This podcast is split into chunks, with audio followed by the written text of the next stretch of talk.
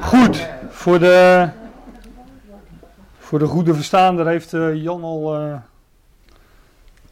wat, zaken ver, verklapt hè, die, we, die, we, die we vandaag gaan bespreken. Nou, aan mij om dat wat nader uiteen te zetten, denk ik. We gaan het inderdaad hebben uh, ja, over wat men noemt de opname van de gemeente. Ik heb, ik, heb, ik heb als onderwerp aangekondigd de Heer tegemoet. Omdat dat een, een frase is die we um, tamelijk letterlijk in de schrift vinden. En de opname van de gemeente is dat niet, uh, niet, niet, letterlijk. Dus uh, ik wil daarmee gelijk de toon maar zetten. En uh, een, een, term die na de schrift is, daarvoor gebruiken. Um, ja, dat, dat, dat is een, een vrij groot onderwerp. Hè? Ook een, nou Jan noemde al een aantal schriftplaatsen waar, waar, waar dat voorkomt. Een aantal zullen wel voorbij komen, een aantal, aantal niet. Omdat het wel lastig is om ook al hebben we een studiedag om echt alles ook in die studiedag, elk schriftgedeelte daarover te behandelen. Um, ja, het lastige van zo'n thematische studie is natuurlijk dat je daarin weer, weer keuzes maakt. Eigenlijk um, had ik dat bijvoorbeeld ook het liefst besproken als, ik, uh, als, ik, als je echt in die luxe positie zit om, om het echt vanuit de Thessalonicense brieven bijvoorbeeld te bespreken. Hè. Stel je voor, ik zou weer elke week of elke twee weken komen om bijbelstudie te geven. Dan zouden we de Thessalonicense brieven kunnen bespreken. Dan kom je vanzelf op, op dit onderwerp. Ja, dan kom je vanzelf op dit onderwerp en dan um, heeft het ook wat meer zijn plaats binnen, die, uh, binnen bijvoorbeeld die Thessalonicense brieven. Omdat, omdat er daar dan ook... Uh, de schriftgedeeltes waar we straks naartoe gaan, Jan noemde ze al, 1 eh, Thessalonicense 4. Omdat dat ook zijn plek heeft in het betoog van Paulus in die, uh, in die Thessalonicense brieven. Nou, ik kom daar nog wel op, op terug. We gaan straks beginnen in, in. En Paulus die, die is daar geweest. Paulus schrijft de brief aan de Thessalonicense samen met, volgens mij met, ja, met Silas en Timotheus schrijft hij een brief aan de Thessalonicense. Hij is daar een uh, periode geweest. En dat uh, verslag van die periode dat, dat, Paulus daar was, dat vinden we in, uh, in Handelingen 17. Ik ga er niet naartoe. dat is verder niet zo, zo relevant voor, voor het onderwerp. Maar Paulus is daar een, een, ja, nogal korte periode geweest in Thessalonica wordt gezegd in Handelingen 17 dat hij drie sabbatten met, uh, met hen handelde in de synagoge over de zaken uit, uit het woord. Nou, veel langer dan drie, vier weken zal hij daar dus niet geweest zijn, als ik dat verslag zo lees. Daarna komt er een, uh, volgt er een oproer, veroorzaakt door Joden. Ook dat lezen we vaker in, uh, in handelingen. En Paulus en Silas die moeten dan die stad Thessalonica verlaten. Nou, wat we vervolgens lezen in de Thessalonicense brieven is dat die Thessalonicense verdrukt en vervolgd werden.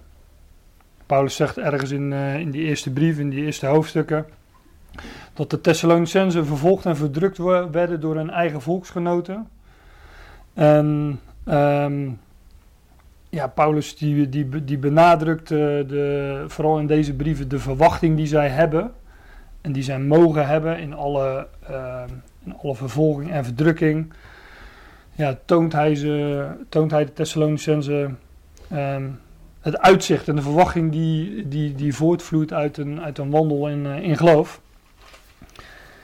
En hij zegt dan ook, ik kom daar ook nog op terug, dat de verwachting van de gelovigen is het verschijnen voor, voor de Heer, voor onze Heer Jezus Christus, in of bij zijn, uh, bij zijn parousia.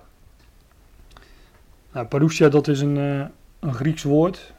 Uh, wellicht kent u het. Het wordt in de vertalingen, zoals de MBG en de Statenvertaling, uh, meestal vertaald met toekomst. Nou, dat woord kennen wij ook weer ehm, in ons moderne Nederlands. Heeft dat een wat andere toepassing gekregen.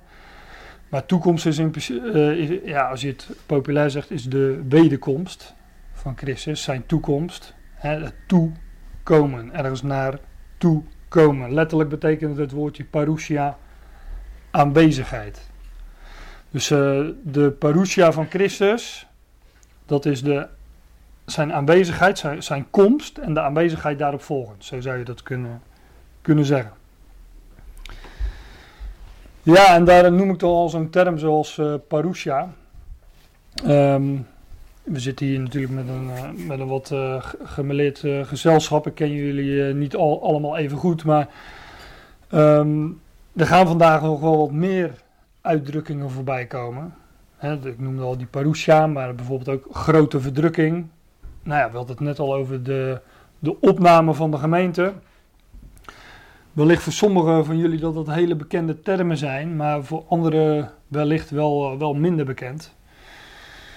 Ja, dan kan het soms. Uh, dan kan, kijk, ik, ik ga toch uh, in, mijn, in het geven van, uh, van deze studies uit van, van, van enige basiskennis. En ja, als je die wellicht wat minder hebt, dan kan het ook wat vragen oproepen. Maar volgens mij is dat ja, is dat de normale gang van zaken? Ik denk dat we dat, uh, dat we dat allemaal hebben. Dat er soms vragen beantwoord worden die juist weer andere vragen oproepen. Nou, daar hadden we het uh, zojuist ook nog even over. Dus uh, ja, ik hoop dat dat niet, niet te veel afschrikt. Dat het juist prikkelt om, om, om meer te willen weten. Ik hoef niet naar mij te kijken hoor. Ik weet, ik weet, dat, de, dat deed ik ook niet, Jos. ik weet dat ik hier het minste weet. Als ik het begrijp. Oké, okay, dan, ne dan nemen we jou als norm en dan vragen we aan jou aan het eind van de dag of jij het begrepen nee, goed. Oké, wat afleiding. Lekker gebakken. Ja, ik trouw nog gebakken. Nee, goed, ik wil, uh, ja, niet te veel woorden besteden aan, uh, aan inleiding. En ehm, meteen met, met jullie naar uh, uh, 1 Thessalonicense 4 gaan. En zaken die we daar tegenkomen, die, uh, als daar nog, uh, nog wat aan toegevoegd moet worden, wat eerder in de brief te sprake is gekomen, komen we daar vanzelf wel op. Maar ik begin in, ehm, in vers 13. Daar staat doch broeders, ik wil niet dat gij onwetende zijt van degenen die ontslapen zijn. Opdat gij niet bedroefd, zijt, gelijk als de anderen die geen hoop hebben. Paulus zal ongetwijfeld vragen hebben gehad van die, van die Thessalonicenzen. Daar, daar speelden dingen. Um, hij had hun, dat lezen we ook in deze brief, hij had hun nadat, ze, nadat hij ze, bij ze was geweest in, uh, in Thessalonica, waar waarvan we dat verslag dus vinden in Handelingen 17 had hij ze niet meer van aangezicht tot aangezicht gezien. Um, had Timotheus naar hen toegestuurd. En die was wellicht teruggekomen bij Paulus met, uh, ja, met vragen van, van de Thessalonicenzen of zaken die daar, uh, die daar speelden. Um, en hij zegt dus, ik, ik, wil niet dat jullie onwetende zijn van degene die ontslapen zijn. Dus of, ja, Paulus gaat ze nu vertellen hoe het zit met, uh, met degene die ontslapen zijn. Letterlijk staat er van de ten ruste liggenden. Is natuurlijk wel een mooi woord. Hè? Als wij over de dood ook spreken, hebben we het over. Ja, zij die rusten. Rusten totdat, totdat zij gewekt worden, opgewekt worden. Maar ook dat woordje ontslapen zijn, heeft dat natuurlijk ook in zich. is ook een. Uh, ja, de dood is een slaap waaruit we weer worden ge gewekt, zoals, ja, zoals we dat elke ochtend uh, zelf uit, uit de slaap gewekt worden.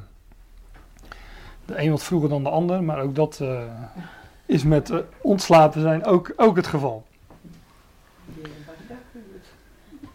Ik wil niet, broeders, dat jullie onwetende zijt van degenen die ontslapen zijn, opdat jullie niet bedroefd uh, zijt, zoals de anderen die geen hoop hebben. Nou, geen hoop is dat hè, wat, wat, wat de wereld zegt. Het dood is dood. Bij de dood houdt het op. Hierna is niets meer. Maar wij hebben hoop, zegt Paulus. En wij hebben dus een verwachting. En de enige hoop voor een dode is, ja, dat is opstanding. Opgewekt worden uit, uit die dood. En daar gaat Paulus het dus ook over hebben in de, in de versen die hierna komen. hij zegt in, uh, in vers 14, want indien, want als wij geloven dat Jezus gestorven is en opgestaan, Alzo zal ook God degene die ontslapen zijn in Jezus wederbrengen met hem. gestorven en opgestaan. Daar refereert Paulus aan, aan de dood en opstanding van, uh, van Jezus. En zoals hij dat ook zegt in bijvoorbeeld 1 Korinthe 15, die, uh, die eerste verse. 1 Korinthe 15 is ja, het hoofdstuk dat handelt over de opstanding. En Paulus die, uh, die geeft in 1 Korinthe 15 um, aan dat de basis van het evangelie is dat uh, Jezus is gestorven, begraven en opgewekt. En hij zegt dat hij is opgewekt op de derde dag. En hij zegt dat alles is naar de, naar de schriften, want dat was, dat was voorzegd in de schriften dat het zou gebeuren. En Paulus zegt dat is de basis van het evangelie. In 1 Korinthe 15 zegt hij dat. Ik heb dat jullie bekendgemaakt. En ook hier refereert hij daar weer aan. Hij zegt, als wij dat geloven, dat Jezus gestorven is en opgestaan, alzo zal ook God, letterlijk staat er de God, want hij is de, de levende God. En dat blijkt ook wel, hij zegt, alzo zal ook God, de God, degene die ontslapen zijn in Jezus, brengen of wederbrengen met hem. God is de beschikker over leven. En uh, ja, God gaat allen die, uh, die in het graf zijn, die ontslapen zijn, die, die zullen weer gewekt worden, die zullen opgewekt worden. Overigens staat er in dit vers, um, letterlijk staat er niet um, in Jezus. Kijk, je staat in de staat, ik heb hier een statenvertaling, daar staat, alzo zal ook God degene die ontslapen zijn in Jezus, wederbrengen met hem. Letterlijk staat er, zal ook God degene die ontslapen zijn, door Jezus wederbrengen met hem. Dus de grondtekst zegt toch net iets anders dan, um, dan, dan de Statenvertaling ons wil uh, laten doen geloven. Kijk, in het vervolg gaat het inderdaad over gelovigen. Dus de, de, ik, ik, begrijp ook wel dat de Statenvertalers hier uh, hebben gekozen voor het woordje in. Dat degenen die ontslapen zijn in Jezus zullen wedergebracht worden met hem. Maar letterlijk staat het door Jezus. Dus ontslapenen, wordt er gesteld, worden door Jezus wedergebracht uh, met, uh, met hem. En ja, wij weten ook uit 1 Korinthe 15 dat dat uiteindelijk elk mens zal zijn die, uh, die zal gestorven zijn. Alle die in Adam sterven, zullen in Christus levend gemaakt worden. Is niet het onderwerp, het is ook niet het onderwerp van het vervolg, dus ik, ik ga verder niet op in. Maar uh, we hebben het nu over details. Dus, wat ik ook wil doen deze, deze dag is um, ja, toch wel wat langere schriftgedeeltes bespreken. Ik, ehm, ja, vaak, vaak geef ik ook studie met een, met een beamer. Dan, dan pluk je wel eens een, aantal teksten uit. Dat kan je dan ook vrij snel doen. van, van schriftplaats wisselen. Is het ook makkelijker om wat tekstgedeeltes over te slaan. Maar ik denk dat het in verband met zo'n thematische studie als, eh, als vandaag, waarin we dit onderwerp behandelen, dat het gewoon goed is om, om wat langere gedeeltes te, te behandelen. En soms betekent dat dat we niet op elk detail heel uitgebreid in kunnen gaan. Maar dan even wel juist de details eruit pakken die, die betrekking hebben op het onderwerp. Paulus zegt in ehm, vers 15. Want dat zeggen wij u door het woord des Heren, dat wij, die levend overblijven zullen, tot de toekomst des Heren niet zullen voorkomen, degene die ontslapen zijn. Paulus uh, zegt hij dat hij meedeelt door een woord van de Heer. Nou, en dan het, uh, het, het volgende wat daarna volgt in het vers. In 1 Korinthe 15, ook weer dat hoofdstuk over die opstanding, zegt hij: Zie, ik vertel u een geheimenis. En dan gaat het over hetzelfde onderwerp. Komen we ook nog wel, op. Dat um, wel niet alle zullen ontslapen, maar dat wel allen veranderd zullen worden, vertelt hij daar. En hier zegt hij, dit zeggen wij u door het woord van de Heer, woord des Heren, dat wij die levend overblijven tot de toekomst, ook hier weer dat woordje parousia, tot in de parousia staat er letterlijk, tot in de parousia des Heren niet zullen voorkomen degene die ontslapen zijn. Wij die levend overblijven. Letterlijk staat er wij de levenden, de overblijvenden. Dat woordje overblijvenden is een, uh, ja, is een Grieks woord. Die grondtekst is geschreven in het Grieks. En dat is letterlijk rond, rondom ont, ontbreken. Oftewel, uh, ja, kun je je wat bij voorstellen als rondom. Als er, als er rondom ontbreekt, dan, dan ben je dus overgebleven. En, en hij zegt hier: Wij die levend overblijven zullen tot in de parousia des Heren. populair gezegd, tot in de wederkomst van de Heer. Wij zullen niet voorkomen degene die ontslapen zijn. Tot in de parousia, tot in de aanwezigheid van de Heer, tot in zijn toekomst. En dan zet ik een streepje tussen toe en komst. Dat maakt het wat duidelijker dat hij, hier, dat hij toekomt. En dat parousia, dat is letterlijk, uh, wat ik al zei, ernaast of erbij zijn. En als het gaat over de komst, dan spreekt het dus, dat zei ik al, altijd over de wederkomst van de Heer en nooit over zijn eerste komst. dat noemen we ook een komst, zoals we die bevinden beschreven in de, in de evangelie. Dat noemen we ook de komst van Jezus, hè, zijn eerste komst. Maar hier gaat het over ehm, zijn tweede komst, of zijn wederkomst, hoewel dat geen uh, termen zijn die we zo letterlijk in de, in de schrift terugvinden, want daar wordt altijd juist dit woordje parousia gebruikt. Die parousia is een, dat wil ik benadrukken, is een periode. Is geen moment, geen enkel moment, maar is een periode. Het is zijn aankomst en zijn aanwezigheid daarop volgend.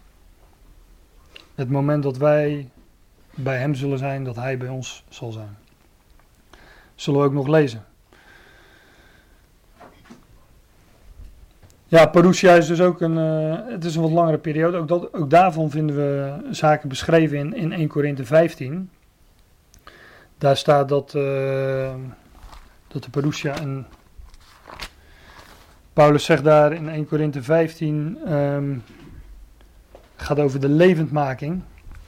In vers 23 zegt hij, nee, in vers 22 zegt hij dat allen die in Adam sterven al zo ook in Christus zullen worden levend gemaakt.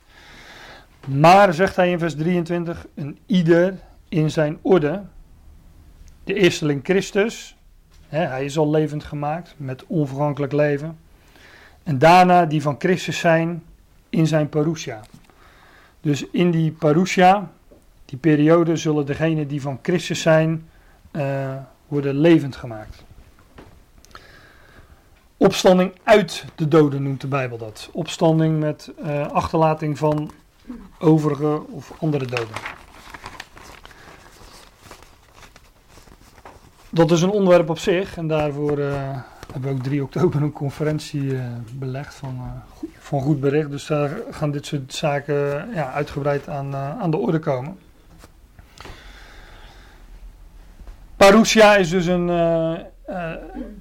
een aanwezigheid, aanwezigheid van, van, van de Heer gaat het hier over. En we, vinden dat, um, dat woordje parousia bijvoorbeeld ook um, in verband met Paulus, die zegt van um, mijn aanwezigheid tegenover zijn afwezigheid. Hij zegt, daar, uh, hij zegt bijvoorbeeld ergens in zijn brieven van uh, zijn brieven die dat de Corinthiërs over hem zeggen. Zijn brieven die zijn wel, zijn wel scherp. Maar in zijn aanwezigheid, uh, in zijn parousia, stelt hij niet zoveel voor. voor de, omdat, het een, uh, een, een, periode is, die ecclesia, uh, die, die, die parousia, um, ja, is dat voor, kan het voor de, voor de ene groep een, een ander moment zijn dan voor de andere. En bijvoorbeeld ik wil het niet noodloos, noodloos ingewikkeld maken, maar de dag des Heren bijvoorbeeld, de dag breekt voor de ene groep eerder aan dan voor de andere. Voor de Ecclesia breekt die eerder aan dan bijvoorbeeld voor Israël. Maar ook daar komen we nogal op. um, ja, dat woordje voorkomen, wat hier in de Statenvertaling staat, is letterlijk een woordje inhalen. Paulus zegt dus, want dat zeggen wij u door het woord van de Heer, dat wij die levend de levenden, de overblijvenden, tot in de parousia des Heren, zoals het er letterlijk staat, wij zullen niet inhalen, voorkomen, degene die ontslapen zijn. Oftewel, hij zegt, uh, degene die, uh, die nog leven op het moment van, dan zeggen we weer populair, de wederkomst van Christus, die zullen niet, uh, die zullen degene die ontslapen zijn niet inhalen. Want waar Paulus met hen over sprak, uh, en waarover hij hen wilde informeren, was over degene die ontslapen zijn. Daar hadden ze blijkbaar vragen over, hè, zoals we in vers 13 zagen. Ik wil niet dat jullie onwetende zijn over degene die ontslapen zijn. Daar maakte zij dus, uh, zich dus, uh, ja, concludeer ik hieruit, zorgen over. En dan zegt Paulus in, in vers 16: Want de Heer zelf zal met een geroep, met de stem van de aartsengel en met de bezuin van God nederdalen van de hemel en die in Christus gestorven zijn, zullen eerst opstaan. hier gaat het dus over gestorvenen die uh, eerst zullen opstaan. Nou, nogmaals, dat was het onderwerp waar Paulus uh, hen wil, over wilde informeren. De Heer zelf zal met een geroep, letterlijk staat er in bevel, in een commando.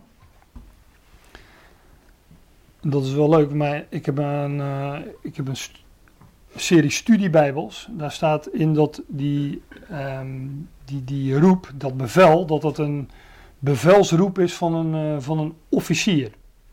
Het gaat dus om, uh, om strijdbare taal, om ja, een bevel, een commando van,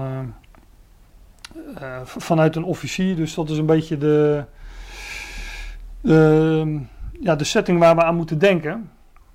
Houd dat even vast in het achterhoofd. Uh, de Heer zelf zal in, in, in een bevel, uh, en in of met de stem van de aartsengel. En die aartsengel die, uh, die vinden we maar twee keer in het Nieuwe Testament. Archangel staat er in de Statenvertaling. En arche, dat is een eerste, een overste. We vinden dat woord bijvoorbeeld uh, in, in Hebreeën als het gaat over uh, Christus die onze overste leidsman is. Dan is het ook dat woord, arge. Dus het is uh, ja, een angel, een engel is, een, is ook een, is een boodschapper. Dat is een, een woord wat in, ons, in onze vertaling eigenlijk niet vertaald is, maar gewoon van Nederlands is overgenomen. De Heer zelf zal met een, uh, met een bevel, met de stem van de aartsengel. En die aartsengel die uh, vinden we in, bijvoorbeeld in Judas 9, dat is de enige, Judas vers 9, dat is de enige andere plek in het Nieuwe Testament waar het voorkomt. En daar gaat het over de aartsengel. En dat is er maar één. Dat is Michael. Staat daar ook bij. Judas vers 9. En die aard, de aartsengel, dat is er dus maar één. Dat is op, zich ook wel logisch als het de overste van de engelen of van de boodschappers is, dat het, dat het er één is. Uh, dat is Michael, hè, en dat arge dat is, uh, dat is eerste of hoofd. Hij is dus de, de overste van boodschappers. En hij zal in de bezuin van God, de bezuin Gods, neerdalen van de hemel. Ja, de vraag is natuurlijk, um, als het gaat over een bevel, de stem van de aartsengel, de stem van de overste van die boodschappers en met de bezuin van God, of dat nu alle drie wat anders is of alle drie hetzelfde. Ik moet eerlijk zeggen dat ik, dat ik het niet weet.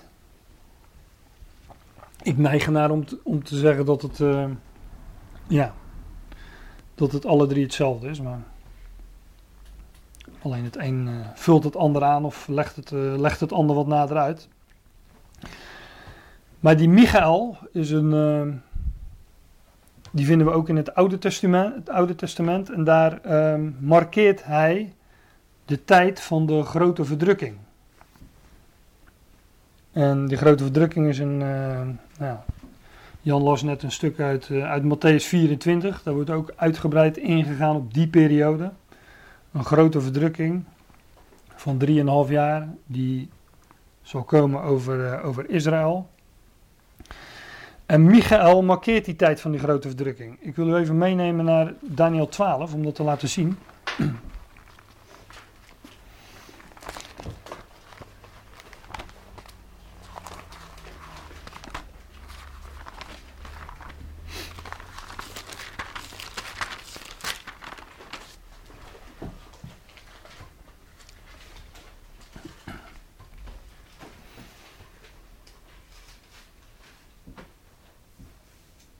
En meteen eh, in vers 1 komt, eh, komt Michael te sprake.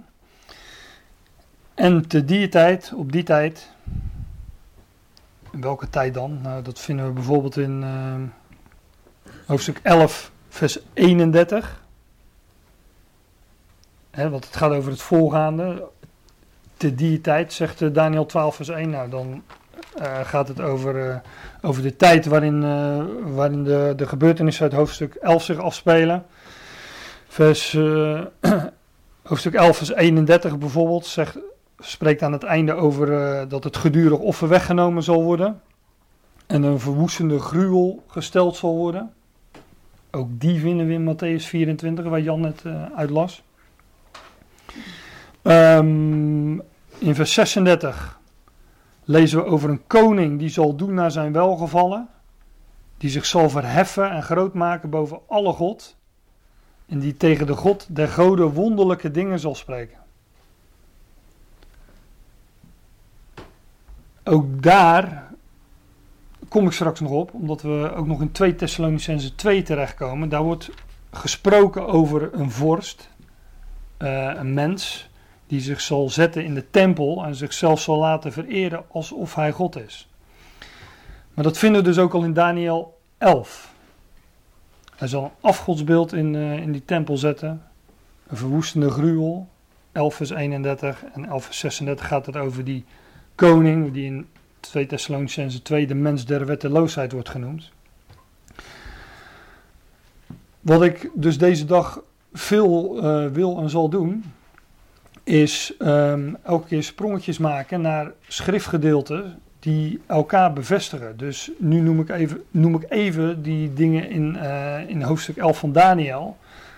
Ehm, als het abracadabra voor u is, dan hoop ik dat dat later op de dag wat duidelijker wordt als ik in 2 Thessalonicense 2 terechtkom en daar weer naar verwijs. Nou, ik doe mijn best. Te die tijd, op die tijd, 12 vers 1, zal Michael opstaan. Die grote vorst. Dit is natuurlijk Hebreeuws, maar wellicht als, eh, als het in het Grieks was geschreven dat er datzelfde woordje had gestaan als dat we vonden in 1 Thessalonicense 4. Hè, de overste van de engelen. Vorst, een overste. Die voor de kinderen uw volk staat. Nou, het volk van Daniel gaat het over, dat is Israël. En dan staat er, als het zulk een tijd der benauwdheid zijn zal, als je niet geweest is, sinds dat er een volk geweest is tot op diezelfde tijd toe. Enzovoorts. Ik zei u dat Michael de tijd markeert van de grote verdrukking. Die wordt hier de tijd der benauwdheid genoemd. En nu zegt u wellicht van, hoe kom je erbij dat de tijd der benauwdheid hetzelfde is als de grote verdrukking? Nou, bladeren we even naar Jeremia. Jeremia 30.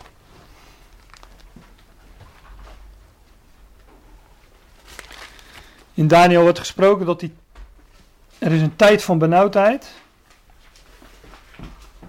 Als er niet geweest is, sinds dat er een volk geweest is. Dus er zal een tijd van benauwdheid komen. En zo erg is, het, is, is die er niet eerder geweest.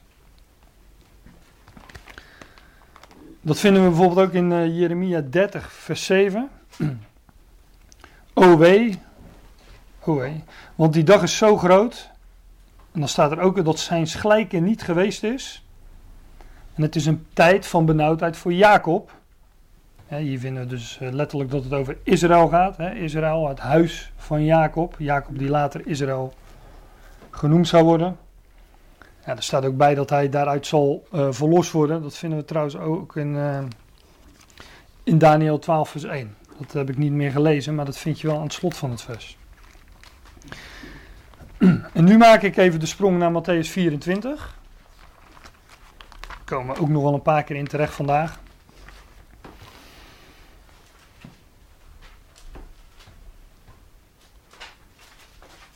Matthäus 24, daar uh, wordt in vers 15 gesproken over een, uh, een gruwel van verwoesting. Die we dus ook, uh, die we dus ook vonden in, uh, in Daniel 11, vers 31 als ik het goed heb. Wat ik net even kort aanhaalde om aan te geven in welke tijd Michael optreedt. Wanneer gij dan zult zien de gruwel der verwoesting waarvan gesproken is door Daniel de profeet, staande in de heilige plaats. Een gruwel spreekt altijd van afgoderij en die komt te staan in de heilige plaats. Nou, welke, welke heilige plaats kennen wij in, uh, in Jeruzalem? De tempel. Dat vinden we, dat vinden we dus, daar kom ik vanmiddag op, uh, of later, op, uh, later deze dag in ieder geval. Ook in 2 Thessalonicense 2. Maar dan staat er een, dan sla ik een paar versen over. Dan staat er in vers 21. Want als dan, hè, op die tijd, ook weer die tijd, precies hetzelfde als wat we in Daniel zagen. Want als dan zal grote verdrukking wezen. Andere versen stond er een tijd van benauwdheid. Hier staat als dan zal grote verdrukking wezen. En dan staat precies hetzelfde als wat we vonden in Daniel 12 en in Jeremia 30. Hoedanig niet is geweest van het begin der wereld tot nu toe en ook niet zijn zal. Oftewel, er komt een grote verdrukking, er komt een tijd van benauwdheid voor Jacob. Een tijd van benauwdheid als ze niet geweest is, lazen we in, uh, als ze niet eerder geweest is, lazen we in Daniel 12. En we zagen dat in Jeremia 30, zijn gelijke niet geweest is, stond daar. En ook hier grote verdrukking, zo hoedanig er niet is geweest. Nou, in Daniel uh, 12 vinden we dus Michael, die we dus ook in 1 Thessalonicense 4 zien optreden. Op een zeker moment. Overigens vinden we Michael ook nog in Openbaring 12. Maar daar komen we ook nog op vandaag. Dus um, ik begrijp dat ik soms wat puzzelstukjes neerleg die, uh, die, zijn, die, die zijn plek nog moeten krijgen. Maar uh, in de loop van de dag uh, denk ik dat, dat we de puzzel aardig gelegd hebben. Ik verwijs nu alweer naar openbaring 12. Ik heb naar 2 Thessalonicense 2 verwezen. Allemaal schriftgedeeltes waar we nog, nog uit zullen komen. Ja, die, ehm, ik ben weer terug in 1 Thessalonicense 4. Hè, de Heer zal zelf met een geroep, met de stem van de aartsengel de, en met de bezuin van God neerdalen van de hemel. Die bezuin, dat is een, uh, een verhaal op zich. Tamara is niet in ons midden, maar die, uh, die weet alles van bezuinen en trompetten. En heb ook nog wat contact gehad met haar hierover voordat ik deze studiedag gaf. Maar die bezuin is een, een onderwerp, voorbij, onderwerp op zich. Daar valt heel veel over te zeggen. We vinden bijvoorbeeld de eerste keer in de schrift bij de introductie van de wet in Exodus 19. Dus de eerste keer dat er van de bezuin wordt gesproken. Een bezuin, donder, bliksem, een zware wolk. Nou, hier wordt er gesproken over een bevel, een commando. Uh, Michael, die, uh, waarvan we zagen op welk moment die, die aartsengel op gaat treden. Hè, namelijk aan begin van een grote verdrukking. Dus daar is onheil op komst. Ja, dat is ook vaak waar de, de bezuin van spreekt. Onheil. Het duisternis ook met, met die wet. Maar bijvoorbeeld ook uh, uitroepen van koningschap. Daar wordt die bezuin ook uh, voor gebruikt. Nou, hier komt uh, in 1 Thessalonicense 4 is, is de koning onderweg, om het zo te zeggen. En de gebeurtenissen die zullen volgen na de gebeurtenissen die we hier beschreven vinden, de opname van de gemeente, hè, het moment dat we de Heer tegemoet zullen gaan in de lucht, ja, die, die momenten die daarop zullen volgen, zal, zullen, zal inhouden dat Christus zijn koninkrijk hier gaat vestigen op aarde. Dus het uitroepen van koningschap, waar die bezuin wordt gebruikt, ook het uitroepen van het jubeljaar. Er werden dus aankondigingen voor gedaan, maar je vindt het ook heel vaak in verband met strijd, oorlog. Um, dat de dag des Heren nabij is, ook zoiets. Komen we ook nog wel op. Die, die begint namelijk ook met, uh, ja, met, met, met een bezuin, met duisternis. De mooiste die ehm, eh, in dit verband, omdat die van Paulus zelf is, vinden we in 1 Korinthe 14.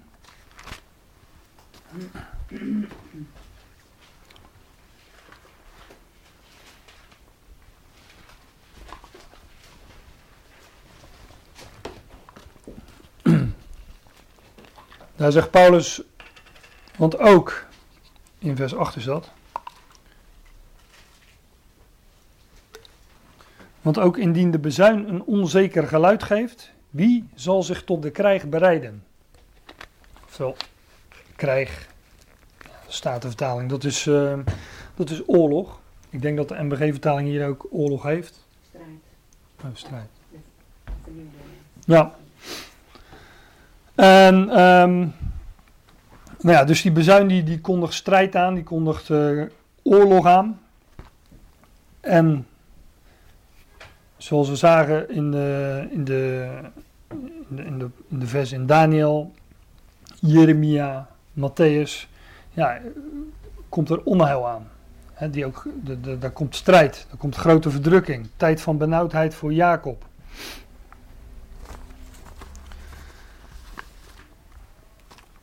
Um, ja, zal met, dus met een bevel, met de stem van de aartsengel en met de bezuin van God neerdalen van de hemel. Die bezuin, ja, dat is, dat is overigens ook een hele mooie. Ik weet niet of u nog in 1 Korinthe 14 bent. Maar als u één blad, twee bladzijden is bij mij, omslaat naar 1 Korinthe 15, daar vinden we die bezuin ook weer. En dan in verband met, uh, met precies dezelfde gebeurtenis. Ik haalde net dit vers al aan, omdat Paulus zegt in 1 Thessalonicense 4, want dit zeggen wij u door, door een woord van de Heer. En hier zegt hij, ziet, ik zeg u een geheimenis, een verborgenheid. He, dat zijn Paulus, aan Paulus waren geheimenissen geopenbaard. Wat natuurlijk ook woord van de Heer is. De Heer heeft hem dingen geopenbaard die hij mocht, uh, mocht bekendmaken. En dit is er één van. En hij zegt dan, ziet ik zeg u een, uh, een verborgenheid, een geheimenis. Wij zullen wel niet allen ontslapen, maar wij zullen allen veranderd worden. Overigens dat, hij heeft het in 1 Korinthe 15, heeft hij de nadruk op de levend overgeblevenen in dit vers. Hè, want hij zegt, ja, we zullen wel niet al ons, wij, wij zullen wel niet al ontslapen, maar wij zullen alle veranderd worden. En hij heeft het over degene die levend overblijven en veranderd zullen worden. En eh, in 1 Thessalonicense 4 ligt juist de nadruk op de ontslapenen. Omdat hij daar ja, ingaat op vragen of, of uh, in ieder geval die, die maakte zich zorgen om degene die al ontslapen waren. Van hoe gaat het daar nu mee aflopen? Nou zegt Paulus dan, die uh, bij levend overblijven gaan hun in ieder geval niet inhalen op dat moment. Maar hier in 1 Korinthe 15 zegt hij, ziet ik zeg u een verborgenheid, een geheimenis. Wij zullen wel niet alle ontslapen, maar wij zullen alle veranderd worden. In een punt, destijds heeft uh, de Statenvertaling toegevoegd. In ieder geval een, een, een ogenblik, een zeer ja, ondeelbaar ogenblik, een kort moment. In een ogenblik staat er dan ook achter. Met de laatste bezuin. Want de bezuin zal slaan en de doden zullen onverderfelijk, onvergankelijk is dat, onvergankelijk opgewekt worden en wij zullen veranderd worden. Dus ook hier, als het gaat over die gebeurtenis van het veranderd worden, van het, uh, van het levend overblijven tot in de parousia van de Heer, zoals Paulus dat noemt in 1 Thessalonicense 4 ook daar wordt die bezuin weer genoemd. Overigens uh, wordt er gesproken van een laatste bezuin. En ja, vaak is dan de vraag van, uh, is dat dan de laatste bezuin achter de bezuinen in, uh, in openbaring? Daar wordt ook gesproken van een zevental bezuinen. Dat zeg ik even voor, voor de fijnproevers. Als u, als u dat, die, die gedeeltes uit de openbaring niet kent, dan kunt u dit uh, wellicht het beste even vergeten. Ik denk dat het hier gaat over uh, de laatste bezuin in een tweetal bezuinstoten. Omdat hier staat in een punt destijds, in een ogenblik, met de laatste bezuin. Dat is dus de laatste bezuin.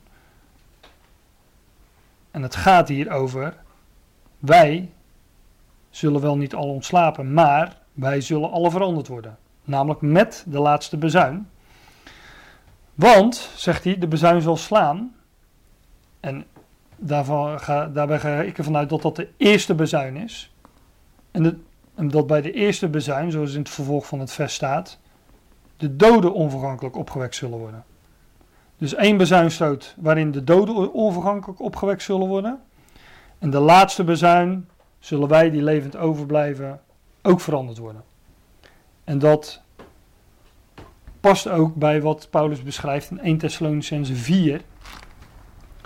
Dat de doden eerst opgewekt zullen worden en dan de levend overblijvenden veranderd zullen worden. Bent u er nog? Ja? Oké. Nee, dat is goed. Ik af en toe even checken. Af en toe even checken of ik, uh, of ik duidelijk ben. De zakken niet weg, hè? Nee. De eerste en de laatste. Ja. Maar de bezuin is dat niet in Hoorn dan? De...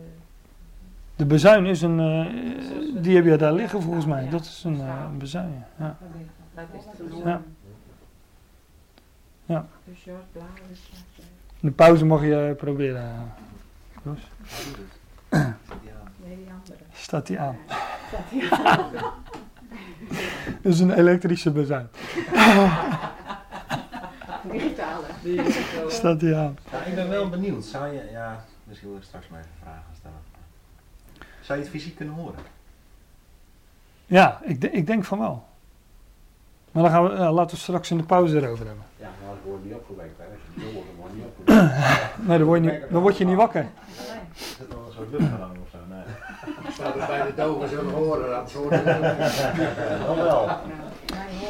Maar hij zegt, de Heer, in, ik ben- dan gaan we terug naar 1 Thessalonicense 4. De Heer zelf zal met een geroep, met de stem van de aartsengel en met de bezuin van God neerdalen van de hemel. En ehm, ja, ik zei al dat, eh, dat we eerder dit soort dingen ook al in de Thessalonicense brief, eh, in deze Thessalonicense brief eh, vinden. En bijvoorbeeld in, ehm, in, in eh, 1 vers 10.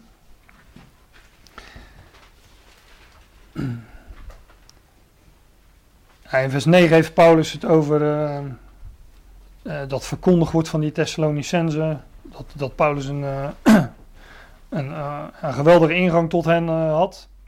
En hoe die Thessalonicenzen van God tot God omgekeerd waren. Bekeerd staat er dan. Tot God omgekeerd staat er letterlijk. En dan staat er letterlijk in de tekst weg van de afgoden. Als je het keert tot de levende en waarachtige God, ja, dan keer je als vanzelf de, ru- de rug naar, eh, naar die afgoden die ze eerst dienden. en voegt hij er dan aan toe in vers 10, en zijn zoon uit de hemelen te verwachten. Wat we dus ook zien in 1 Thessalonicense 4. De Heer zelf zal nederdalen van de hemel en hier staat, en zijn zoon uit de hemelen te verwachten. Staat er weer de welke hij uit de doden opgewekt heeft. Namelijk Jezus. En dan staat er die ons verlost van de toekomende toorn. En letterlijk staat er, ehm, veel oude handschriften hebben, die, die hebben daar uit de toekomende toorn. Dat Jezus die ons verlost uit de toekomende toorn. En dat woordje uit, dat, ja, dat impliceert dat, dat dat op het laatste moment zal zijn voor een, ja, voor, toch wel voor een naderend gevaar. Hè? Als we al die, eh, eh, die, die schriftplaatsen uit, die, die, we, die we al bezien hebben uit 1 Thessalonicense 4, uit, uit Daniel, dan komt er een grote verdrukking. De toekomende toorn. Van de draak, zeg ik er even bij, maar dat is openbaring 12. En daar worden we uitgered. Op het laatste moment voor, ja, voor behoed, voor gered. Die ons verlost eh, uit de toekomende, ook al staat, zou staan van de toekomende toorn, wat, wat, wat eh nieuwe handschriften hebben. Ook dan zeg ik nog van oké, dan staat ook, er staat ook toekomende toorn. Dus wij worden verlost, bevrijd, uitgered, staat er letterlijk, van de toekomende toorn. Dus op het moment dat de toorn, toorn van de draak, zeg ik er even bij, openbaring 12, op het moment dat de toorn nog toekomend is, zegt Paulus, worden wij eruit gered door zijn zoon die uit de hemelen, door zijn zoon die wij uit de hemelen verwachten. Dat zijn de 1 Thessalonicenzen 1 vers 10.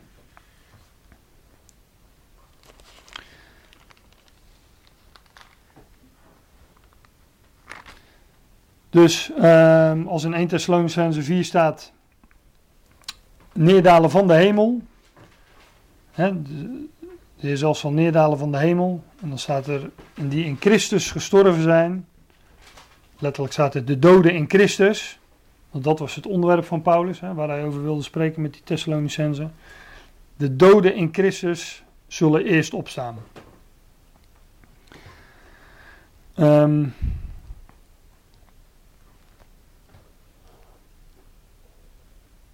Ja, en dan staat, Paulus had al gezegd, wij, wij, wij levenden die levend overblijven, wij zullen die doden niet voorgaan, voorkomen, of wij zullen hen niet inhalen. Op het moment, de doden in Christus zullen eerst opstaan, en daarna wij, de levend overgeblevenen, hier staat ook weer de levenden, de overgeblevenen, wij zullen tena, tezamen met hen opgenomen worden in de wolken, de Heeren tegemoet in de lucht.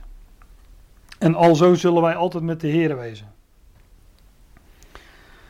Ja, opgenomen worden, daar komt, eh, daar, daar komt die frase de opname van de gemeente natuurlijk vandaan. Die, eh, die ingeburgerde term, zeg maar. En dat woordje dat daar gebruikt wordt, dat betekent letterlijk weggerukt of weggegrist. Hè, dat klinkt, eh, klinkt al een stuk sneller dan, eh, dan opgenomen worden in, in de wolken. Nee, weggerukt worden in de wolken. Weggegrist worden. Het is met geweld, met geweld wegnemen. Dat Griekse woordje dat hier gebruikt wordt is harpa- harpazo of harpazo. Ik weet niet hoe je dat precies zegt. Maar de stam van het woordje, dat is, eh, het wordt ook vertaald met roven. Dus iets wegroven. En, en roven is natuurlijk negatief, maar wat je, wat je doet als iets rooft, is je, je toe-eigenen. Maar dat is ook wat hier gebeurt. De Heer gaat zichzelf iets toe-eigenen, dat, namelijk dat wat van zijn eigen is, zeggen wij eh, in de buurt van Rotterdam. Maar wat van hemzelf is, dat gaat hij zich toe-eigenen. Ja, daarna wij die levend, de levenden, de overgeblevenen, zullen tezamen met hen weggerukt, weggegrist worden in de wolken. Letterlijk staat zo in wolken. De wolken staat er niet. Ja, en of dat nou letterlijke wolken zijn of niet. Ik sprak pas iemand die wist 100% zeker dat het letterlijke wolken waren. Dat het over de, de, de atmosferische wolken gingen, zeg maar. De cloud. Hè? Ja, ook hè? nou, ik weet in ieder geval één schriftplaats waar het niet, waar hetzelfde woord wordt gebruikt voor wolken en waar het niet letterlijk over wolken gaat. En dat is eh Hebreeën 12, vers 1. Ik ga niet naartoe, maar daar wordt gesproken over alle geloofshelden uit het voorgaande hoofdstuk, Hebreeën 11. Eh, Abraham, Jozef, noem ze allemaal maar op. In geloof hadden zij gewandeld. En dan zegt eh, de schrijver van de Hebreeënbrief, nou, nu we zo'n wolk van getuigen rondom ons hebben. En dan gaat het dus over wolken van gelovigen. Dus misschien worden wij wel weggerukt in wolken van gelovigen. Is het een, eh, een figuurlijke uitspraak van Paulus. En misschien eh, is het wel echt bewolkt die dag dat we door de wolken gaan. Zou ook kunnen. Kan je dat niet in de grondtekst terugvinden Is het dan? niet zo? Nou, dat woordje voor wolken is, eh, de ene keer is het inderdaad atmosferische wolken. Hè, zoals, bev- eh, voor mij wordt het woord ook in handeling eh 1 gebruikt, waar de Heer zelf eh, ehm, opgenomen wordt naar de hemelvaart, bij zijn hemelvaart zeg maar. En de andere keer wordt het, eh, wordt het figuurlijk gebruikt. Dus ja. Maar we gaan en daar de Heer tegemoet in de lucht, staat er dan in het eh, volgende vers. En dat is de, het thema wat, ik, eh, wat we deze studiedag hadden meegegeven. De Heer tegemoet in de lucht. Letterlijk staat daar, maar dat, eh, dat, dat scheelt niet zoveel met wat de Statenvertaling heeft. Tot, tot een ontmoeting met of van de Heer. Dat tegemoet, ehm, ja, wij gaan hem tegemoet. Dat betekent dat we, ehm, dat we, als je iemand tegemoet gaat, betekent dat je naar iemand toe gaat, maar ook weer terugkeert met diegene. We, we vinden dat woordje bijvoorbeeld, eh, datzelfde woordje tegemoet met betrekking tot, eh, dat is eh Matthäus 25, die, die wijze en, en dwaze maagden, die gingen de bruidegom tegemoet. Maar die gingen de bruidegom tegemoet om met hem naar die bruiloftszaal te gaan. In handelingen vij- 28 wordt het woord, datzelfde woordje voor tegemoet gaan ook gebruikt. En daar gaat het over, ehm, ik lees dat even voor. Alzo gingen wij naar Rome in vers 14, het laatste zinnetje van vers 14. Ik ga totaal voorbij aan het verband, ga maar even alleen om het woordje, wat, wat is het om iemand tegemoet te gaan? Paulus zegt, en alzo gingen wij naar Rome, handelingen 28 vers 14. En vandaar kwamen de broeders van onze zaken gehoord hebben ons tegemoet, tot Appiusmarkt en de drie tabernen, welke Paulus ziende dankte hij God en greep moed. En toen wij te Rome gekomen waren, oftewel, toen kwamen ze in Rome aan. Ze waren, die, die, die broeders waren hem tegemoet gegaan, naar het punt waar hij op dat moment was, en met hem meegegaan naar Rome. Dat is tegemoet gaan. Wij zullen de Heer tegemoet gaan in de lucht, staat hier. En zo zullen wij altijd met de Heer wezen. Wij zullen samen met Hem zijn. Alzo zullen wij altijd samen met de Heer wezen, staat hier letterlijk. En dat betekent op het moment dat Hij verschijnt, bijvoorbeeld aan Israël, dat wij erbij zullen zijn. En daarom gaan we Hem ook tegemoet, want de, op dit moment, dit, het moment dat hier beschreven wordt, worden levenden veranderd. Degenen die nog levend, levend zijn op dat moment. De doden worden opgewekt. Tezamen worden zij, worden, zij, worden wij ehm, weggerukt. De Heer tegemoet in, in de lucht. Maar de Heer ehm, zal terugkeren op aarde. Hij zal hier zijn koninkrijk gaan vestigen. Dus wij gaan hem tegemoet en wij zullen altijd samen met de Heer wezen, want wij zullen delen in, in die positie die hij heeft en in zijn koninkrijk. We zullen met hem verschijnen in heerlijkheid. Je vindt dat bijvoorbeeld in Colossense 3, vers 4. En ook in Matthäus eh, 24, vers 30 wordt, eh, wordt iets soortgelijks besch- beschreven. We vinden ook in Zacharia 14 bij de komst van de Heer op de Olijfberg dat dat er staat, dan zal hij komen. En alle heiligen met, met hem of met, met u, staat geloof ik. En er zullen dus heiligen bij zijn. Ja, en ik ga ervan uit dat, dat dat dezelfde groep is als die hem hier tegemoet gegaan is in de lucht. Dat is dus tegemoet gaan, hem tegemoet gaan om, eh, ja, om met hem ook weer de andere kant op mee terug te gaan. Na verloop van tijd in ieder geval.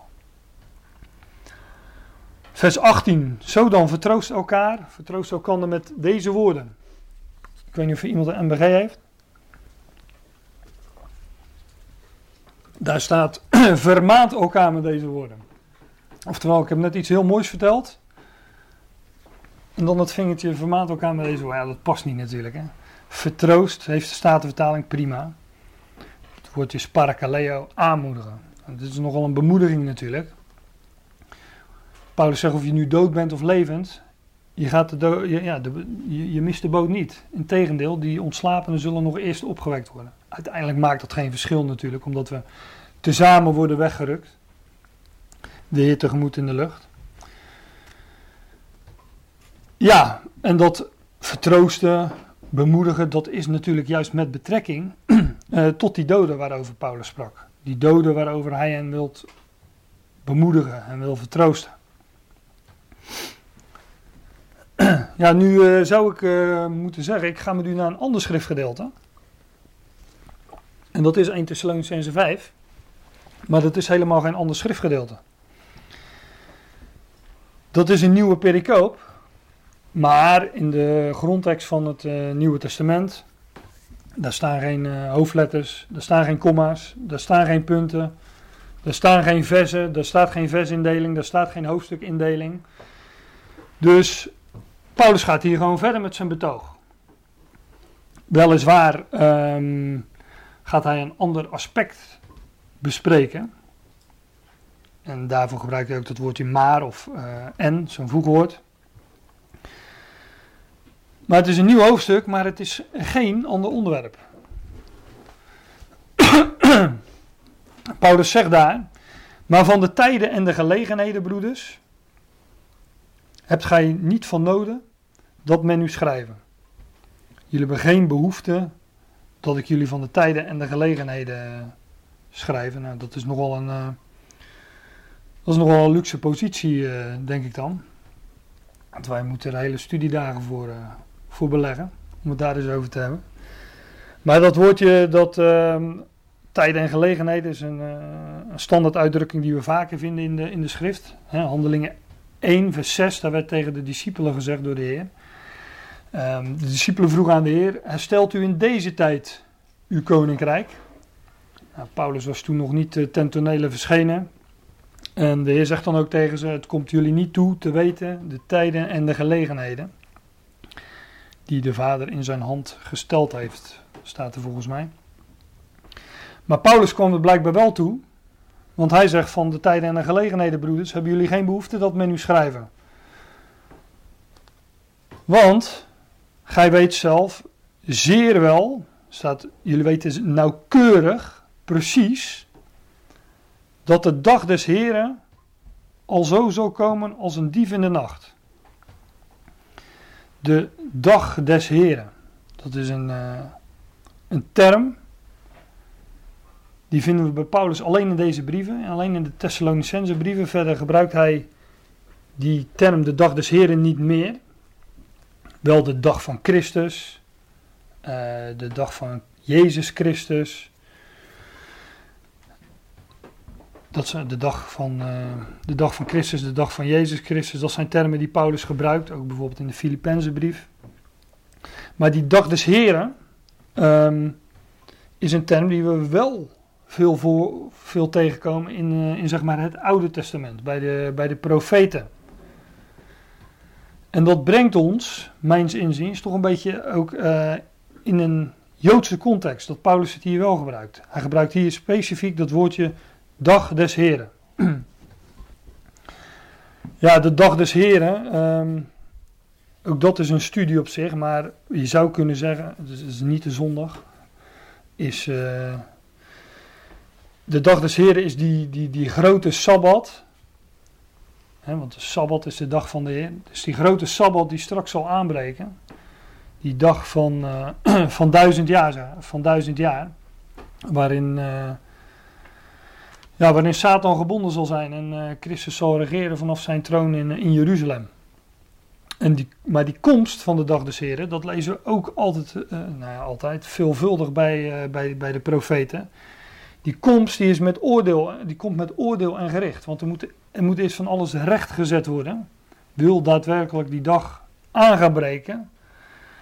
En als, je, als er een koninkrijk aanbreekt, dan zullen er uh, ja, opstandige of vijanden van zo'n koninkrijk, van zo'n koning, die zullen onderworpen worden. En dat, daarom lees je over de komst van de dag des Heren, als, het gaat in de, als dat besproken wordt in de profeten, lees je over oordeel en gericht. Maar het aanbreken van die dag, het koninkrijk over de volken, wordt in Matthäus 24 de zomer genoemd. Hè, wanneer het licht schijnt. Ja, dat, uh, ook, dat vinden we, ook dat vinden we in de, in de profetieën. En ik denk dat Paulus daarom uh, de term hier gebruikt voor de dag des Heren, omdat het dat meer in een Joodse context plaatst. Want hij zegt, want gij weet zelf nauwkeurig, precies, zeer wel, dat de dag des Heren al zo zal komen als een dief in de nacht. Dat is vreemd, want hij zegt daarvoor, jullie hebben geen behoefte dat, dat, dat, dat jullie geschreven worden over de tijden en de gelegenheden. En vervolgens zegt hij, ja, maar jullie weten zelf heel goed, zeer wel, nauwkeurig, dat de dag des Heren zal komen als een dief in de nacht. Dat lijkt elkaar tegen te spreken, maar het antwoord staat in het volgende vers. En hij zegt dan ook, wanneer zij zullen zeggen, het is vrede en zonder gevaar, dan zal een haastig verderf hen overkomen zoals de barensnood een bevruchte vrouw, en zij zullen het geen geenszins ontvlieden. Ik zei al zojuist, de dag des Heren plaatst ons, mijn zinziens, in een Joodse context. Omdat het refereert aan een term die we vinden in de Joodse geschriften. En zij, in vers 3, is dan ook het Joodse volk. Zij zullen zeggen, het is vrede en geen gevaar. Ja, vrede en zekerheid staat er letterlijk. Het is vrede en zonder gevaar. Het is er zal een moment komen dat, de, dat het Joodse volk zal zeggen: het is vrede en zekerheid, geen gevaar. En zegt Paulus: dan zal een plotseling verderf, plotseling uh, een haastig verderf, een plotselinge uitroeiing hen overkomen. Nou, we hadden zojuist gelezen in Daniel en Jeremia over de tijd van benauwdheid voor Jacob die in Matthäus 24 de grote verdrukking wordt genoemd. En in Matthäus 24, ehm, daar las ik dat, die, ehm, dat, dat de Heer Jezus zegt van, dat er een gruwel van verwoesting zal uh, opgesteld worden in de heilige plaats. En als je dat zal zien, zegt Jezus daar, dan moet je maken dat je wegkomt. Hè, staat op, die op het dak is komen, kom niet van het dak af, maar om iets uit je huis te halen, pak je jas niet. Ehm, die op de akker is, keren niet terug om zijn kleren weg te nemen. Er staat er ook weder bevrucht en de zogen in die dagen. Want als dan zal grote verdrukking wezen, hoedanig er niet is geweest van het begin der wereld tot nu toe en ook niet zijn zal. Grote verdrukking, tijd van benauwdheid, een haastig verderf. Op een moment dat zij zullen zeggen van het is allemaal vrede en, en zekerheid, dan zal dat haastig verderf hun overkomen.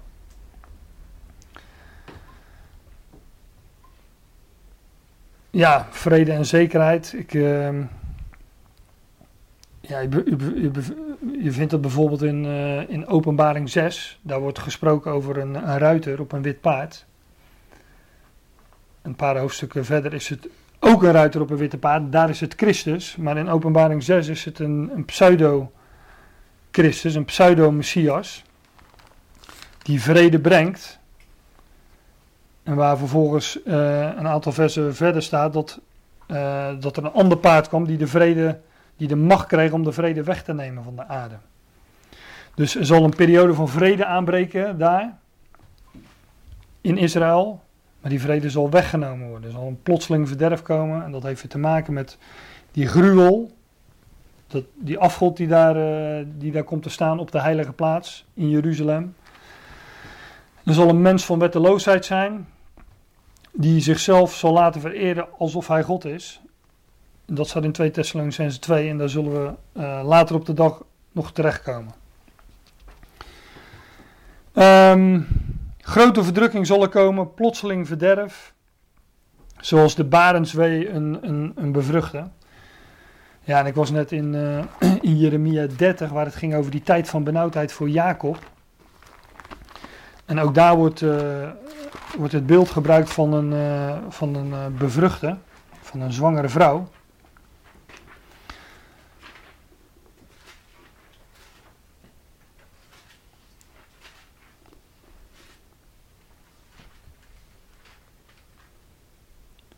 In um,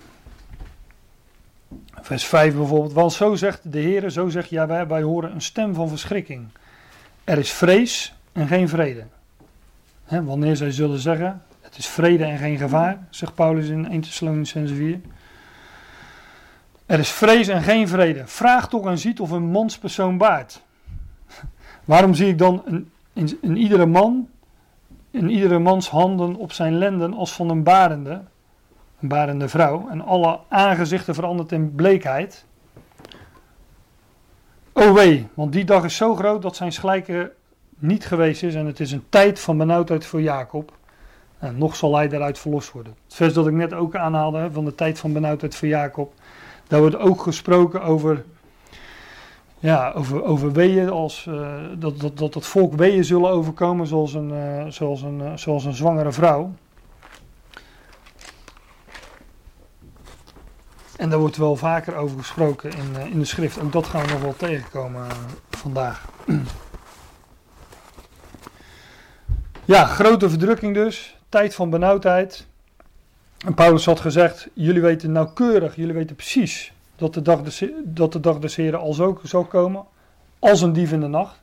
Voor hen blijkbaar. Want hij zegt wanneer zij zullen zeggen het is vrede en zekerheid, vrede en zonder gevaar. Dan zal hun een haastig verderf overkomen. En ze zullen het geen zins ontvlieden, ontvluchten staat er dan nog bij. Maar, zegt hij dan in vers 4, jullie, gij, jullie zijn niet in duisternis dat die dag jullie als een dief zou bevangen, zou grijpen.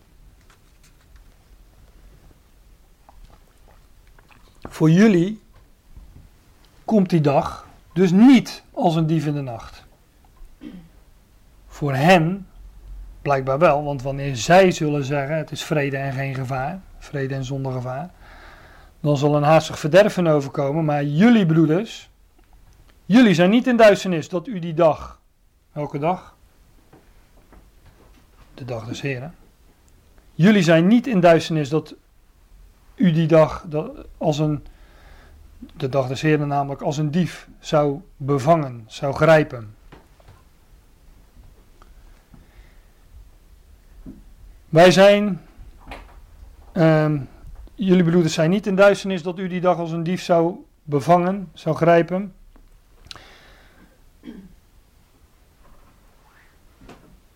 Gij zijt allen kinderen, staat er dan, staat letterlijk zonen. Zonen van het licht en zonen van de dag. Wij zijn niet des nachts nog de duisternis. Hier wordt de tegenstelling gegeven licht versus duisternis, dag versus nacht. Maar Paulus zegt daar, ehm, jullie zijn, gij zijt allen zonen van het licht en zonen van de dag. Nou, van welke dag zijn wij dan zonen? Ook weer van de dag des Heren, want over die dag heeft hij het in de context. Hij had in, eerder al gezegd dat wij altijd met de Heer zullen zijn als wij hem tegemoet gaan. Dus wij zullen delen in zijn positie.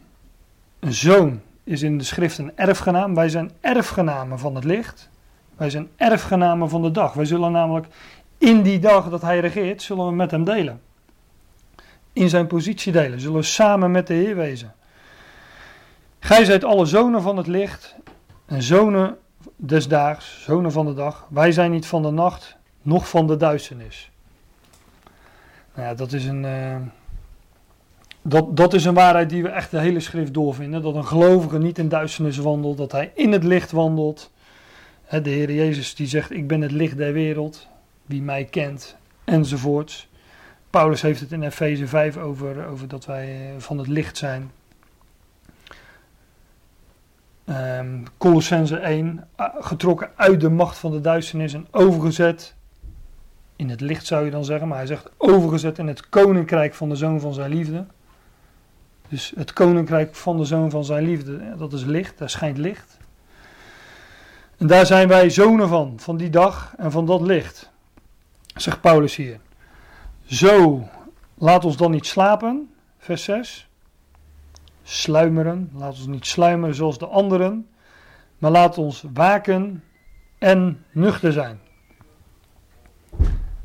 Laat ons dan niet slapen, hè? Wanneer, want wanneer zij zullen zeggen: Het is vrede en zekerheid, het is vrede en geen gevaar, dan zal hun een haastig verderf overkomen. Maar blijkbaar slapen zij en zien zij niet wat er echt aan de hand is. Maar zegt Paulus: Laat ons dan niet slapen zoals de anderen, maar laat ons baken, wakker zijn en nuchter zijn. Als je wakker bent, ben je alert. Ben je en als je nuchter bent, ben je rationeel, niet bedwelmd. Dat is het tegenovergestelde van dronken zijn. Als je dronken bent, ben je bedwelmd, dan uh, zie je de dingen niet meer helemaal in het uh, juiste perspectief. Heb ik alleen maar van horen zeggen natuurlijk. Dat is ook Nee. Mijn ouders zijn er dus de verhalen bewaren we wel voor de pauze. Uitgegeven 13 delen. Ja. Maar in, je, vindt je vindt dat figuurlijke spraakgebruik over dronken en nuchter zijn, dat vind je doorheen eh, heel de schrift. Ook, ook als het over gaat over die dag des Heren. Bijvoorbeeld in Joel 1, daar wordt, eh, wordt ook gezegd in verband met die dag word wakker dronkaards. Oftewel, jullie zijn niet bij je positieve, jullie zijn niet nuchter. Jullie zijn niet, niet alert, jullie zijn er niet bij. Jullie kunnen niet helder denken, jullie zien niet echt wat er aan de hand is. Nou zegt Paulus, Jullie, zegt hij tegen die Thessalonicenzen, jullie zien dat wel, want jullie zijn zonen van het licht en zonen van de dag. Wij zijn niet van de nacht, nog van de duisternis. Zo laat ons dan ook niet slapen zoals de anderen, maar laat ons wakker zijn, waken en nuchter zijn.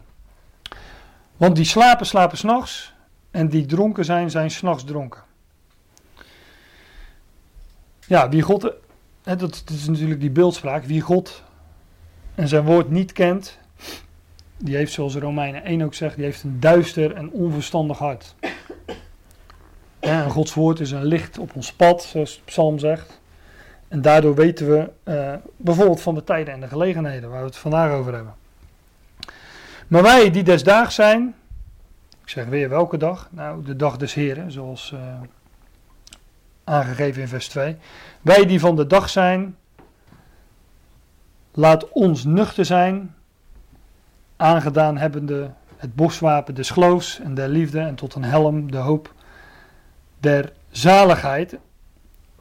En ik ga niet zozeer op al die termen in, zoals een boswapen, een harnas, een panzer van geloof, maar u weet wel wat dat uitbeeldt. en we zouden daar natuurlijk zo uh, Efeze 6 uh, naast kunnen leggen van, die, van de wapenrusting van, uh, van het geloof. Een boswapen des geloofs, een harnas van geloof en van liefde. En tot een helm de hoop van redding. Het enige wat ik erover wil zeggen is dat dat harnas uh, het hart beschermt. En in de hart zetelt natuurlijk het, uh, het geloof. Daarom is het ook een boswapen van geloof, een harnas van geloof. En van liefde. En tot een helm, de hoop der zaligheid staat er dan. De verwachting van redding. Een helm beschermt het denken. Dat, dat, denken wij natuurlijk, uh, geloof is in het hart, maar het begint met het denken. Het, het, bestuderen van de zaken, het overdenken. En wanneer wij besef en kennis van de zaken gaan krijgen, dan landt dat in het hart. Tot het boswapen van het geloof en van liefde en tot een helm, de hoop van redding. Ja, welke redding? Wij verwachten redding, zegt Paulus tegen die Thessalonicenzen. Nou, de redding uit de toekomende toorn, zoals hij aangegeven had in 1 vers 10, waar we net al naartoe gingen. Daar stond namelijk die ons verlost, die ons uitredt, die ons behoedt van of uit de toekomende toorn. Zijn zoon verwachten wij uit de hemelen en hij redt ons, hij behoedt ons uit of van de toekomende toorn. En hier spreekt Paulus ook weer over de verwachting van redding. Namelijk dat wij zullen worden weggerukt als, of als uh, doden in Christus of als levend overgeblevenen tot in de parousia van de Heer. Maar in ieder geval is daar redding, want, zegt hij in vers 9, God heeft ons niet gesteld tot toorn, maar tot verkrijging, en dan zeg ik meteen hoe het er wel staat, tot verkrijging van redding. Door onze Heer Jezus Christus. God heeft ons dus niet gesteld tot toorn, God heeft ons niet gesteld tot die toekomende toorn uit 1 vers 10, maar tot verkrijging van redding door onze Heer Jezus Christus. En ook in 1 vers 10 zagen we al, hè, we verwachten zijn zoon uit de hemelen, welke hij uit de doden opgewekt heeft, namelijk Jezus. Die verlost ons uit de toekomende toorn. En ook hier, door onze Heer Jezus Christus, zijn wij gesteld tot verkrijging van, van redding. Um, en ja, we vinden dat overigens ook in 1 Thessalonicense 4, waar staat, de Heer zelf zal met, met een bevel, met een commando, met de stem van de aartsengel en met de bezuin van God neerdalen. Hij um, komt zijn, uh, zijn ecclesia halen, om het heel kort samen te vatten. En hij redt ons uit die toekomende toorn. Daar zijn wij toegesteld.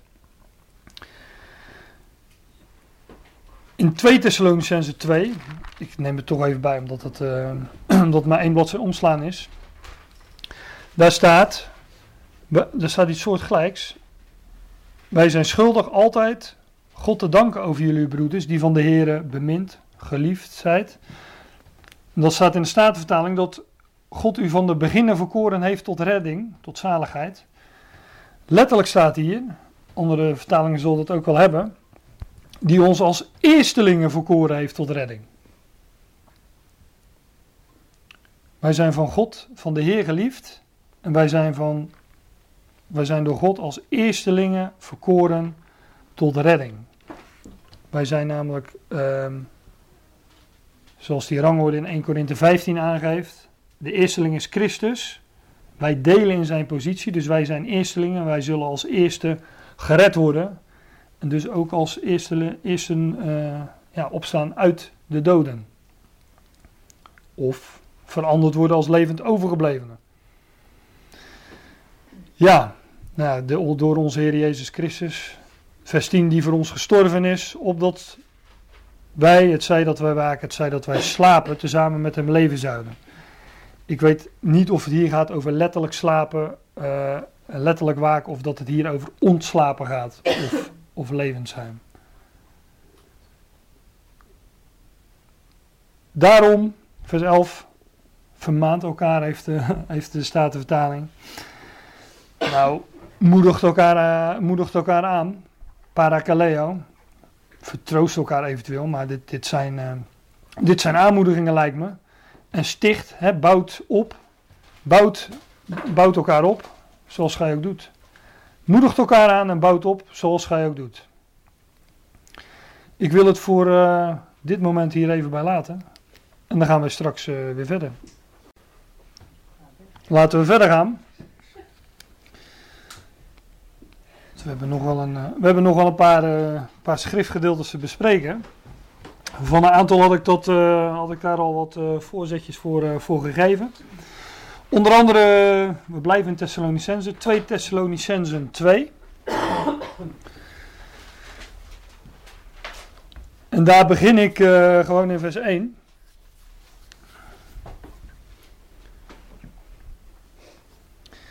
En daar staat, en wij bidden u broeders, door de toekomst van onze Heer Jezus Christus en onze toevergadering tot Hem. Ook hier weer, dat woordje toekomst is ook weer parousia, datzelfde woordje, heb populair gezegd zijn komst of wederkomst, zijn aanwezigheid. Paulus zegt, wij bidden nu, letterlijk zegt hij, over de parousia, over de parousia van onze Heer Jezus Christus, en onze toevergadering tot Hem. Um, dat woordje toevergadering, dat is uh, episynagoge. Daar kennen we het woordje synagoge in. Dat is een, dat is een vergadering, hè? een bijeenkomst. En epi is uh, op of boven. Dus uh, ja, het, drukt ook een. De, de, als, ik, als je dan woordstudies bekijkt, dan zeggen ze het drukt ook een richting uit. Dus bij één vergaderen, uh, daar wordt het mee vertaald in, uh, in Matthäus 24, uh, vers 3 bijvoorbeeld. Um, zeg ik dat goed? Nee, Matthäus 24, ergens in de, volgens mij vers 30. Um, voor mij heb jij dat gelezen, Jan, aan, aan, in je inleiding. Matthäus 24. Ja, vers, oh, vers 31 is het. Hij zal zijn engelen uitzenden met een bazuin van groot geluid. En zij zullen zijn uitverkorenen bijeen vergaderen uit de vier winden. Dus uit de vier winden, de vier hoeken der aarde, zullen zijn uitverkorenen. Israël, het volk Israël, de stammen van Israël, bijeen vergaderd worden. En dat is ook hetzelfde woord, alleen, alleen dan uh, is het hier natuurlijk een werkwoord, bijeen vergaderen. Als in 2 Thessalonicense 2 vers 1 waar onze bijeenvergadering, onze toevergadering tot of op hem wordt, uh, wordt genoemd. Het eerste vers is heel belangrijk. Paulus zegt, wij bidden u broeders over de parousia van onze Heer Jezus Christus en onze toevergadering tot Hem. Hier gaat Paulus dus iets over zeggen in het navolgende. Over de parousia van Christus, van onze Heer Jezus Christus en over onze toevergadering, onze bijeenvergadering tot Hem. Daar gaat, daar gaat Paulus iets over zeggen. Dan zegt hij uh, dat gij niet haastelijk bewogen wordt van verstand of verschrikt, nog door geest, nog door woord, nog door zendbrief als van ons geschreven, alsof de dag van Christus aanstaande waren. Die dag van Christus, um, ook hier hebben de oudere handschriften, net als in 1 Thessalonicense 5, de dag, uh, de dag des Heer of de dag van de Heer. um, dus ik, uh, ik ga ervan uit dat, dat dat er staat. Dus ik uh, maak niet zo heel veel verschil. Of het nu de dag van Christus is of de dag des Heren. Zoals ik al aangaf. Die term, de dag des Heren, plaatst ons wat meer in die, die Joodse context. Omdat dat de term is uit het Oude Testament. Alleen uh, de Heer is, is natuurlijk niemand anders dan Christus. Dus als ze, of, als ze de dag van Christus zou staan, zou dat niet heel veel verschil maken. Ja, er staat uh, dat gij niet haastelijk bewogen wordt. Letterlijk staat er zoiets als dat jullie denken niet in opschudding wordt gebracht. Of dat jullie verschrikt worden, gealarmeerd. Nog door geest, nog door woord, nog door zendbrief, zendbrief of gewoon brief. Epistol staat er in het Grieks. Als door ons staat er letterlijk. Dus blijkbaar circuleerden er brieven van of een brief van Paulus, een, een, valse brief. Of in ieder geval, er was iets geschreven waarvan men zei dat het van Paulus was. En die uh, zouden zich niet in uh, beroering en opschudding moeten laten brengen door een brief als door ons, zegt Paulus. En ons is uh, 2 Thessalonicenzen 1 vers 1, Paulus in de eerste plaats en Silas en Timotheus. nog door woord, nog door zendbrief, als door ons, alsof de dag des Heren, want dat hou ik dan maar even aan, aanstaande waren. Letterlijk staat daar of, alsof de dag des Heren is aangebroken. Aanwezig, tegenwoordig. Alsof die. Oh, kijk, die, die, die Thessalonicense, dat, dat gaf ik al even aan, uh, helemaal in het begin van, uh, uh, van de eerste studie die Thessalonicenzen werden vervolgd en verdrukt. en niet zo'n klein beetje ook. En er waren dus blijkbaar um, leraren die zeiden dat de dag des Heren dus aangebroken was. Omdat die vervolging was zo groot. En ik, zei, ik heb ook al eerder uh, uh, aangegeven dat de dag des Heren uh, voor deze wereld komt met oordeel en gericht. Omdat er eerst een en ander rechtgezet moet worden voordat het koninkrijk, voordat die dag werkelijk aanbreekt. En blijkbaar waren er dus um, mensen die die Thessalonicenzen wijs hadden gemaakt of wijs wilden maken dat zij al leefden in de dag des Heren. Dat zijn de Alles wordt opgenomen Jannie, dus... Uh...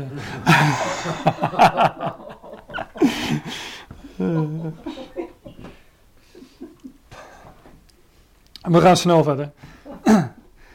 En dan zegt Paulus dat u niemand verleiden op enige wijze. Want dan, die komt niet, die dag des Heren komt niet.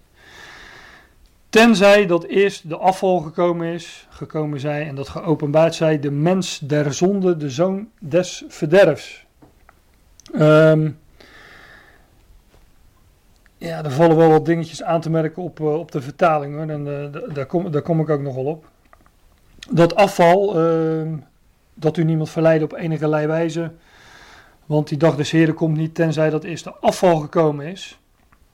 Um, het woord afval, dat, dat is letterlijk afstand nemen. En vaak kijkt men om zich heen in deze wereld en zegt, ze nou zeggen, zegt men, we leven nu al in de afval, want het gaat van, uh, van kwaad uh, tot erger. Maar dat woordje wordt uh, in, de, in de schrift in, in, in een aantal verbanden gebruikt. Bijvoorbeeld van Mozes afvallen in handelingen 21 vers 21. Daar werd, dus het gaat ook over Paulus. Maar daar werd Paulus beschuldigd dat hij de Joden, nee, dat hij Joden die onder de heidenen zijn, leert van Mozes af te vallen. Handelingen 21 vers 21 is dat. Um, het, zoals, kijk, we, we, het, het, het naamwoord van, uh, van, van dit woord uh, apostasia. Um, apostasion, dat is een, uh, komen we ook tegen in de schrift als een scheidbrief. Dus een man gaf zijn vrouw een, uh, scheidbrief mee als, als, ja, als verklaring dat ze niet meer bij hem hoorden. Dat, het gaat dus om een verklaring van, van, van, van afstand doen. En ik denk dat het hier in 2 Thessalonicense 2 vers 3 gewoon gaat over het navolgende wat hier beschreven wordt. Um, en dat gaan we nu vanzelf lezen. Dat u niemand verleiden op enige wijze, want die dag des Heren komt niet, tenzij dat eerst die afval gekomen is. En dat geopenbaard zij, geopenbaard is, de mens der zonde. Andere vertalingen hebben wellicht de mens der wetteloosheid. Want dat is wat de oudere handschriften voornamelijk hebben. De mens der wetteloosheid, de zoon van het verderf, de zoon des verderfs. Die zich tegenstelt, vers 4, en verheft boven al wat God genaamd of als God geëerd wordt. Alzo dat hij in de tempel Gods als een God zal zitten, zichzelf vertonende dat hij God is. Dus er komt een mens der wetteloosheid die zich verheft boven al wat God genaamd, en dan staat er letterlijk of als voorwerp van verering vereerd wordt. En alzo dat hij in Gods tempel gaat zitten en zichzelf gaat vertonen dat, dat hij uh, God is. Nou, dat lazen we uh, al in Daniel, kwamen we dat al, uh, al tegen. En um, bijvoorbeeld in Openbaring 13,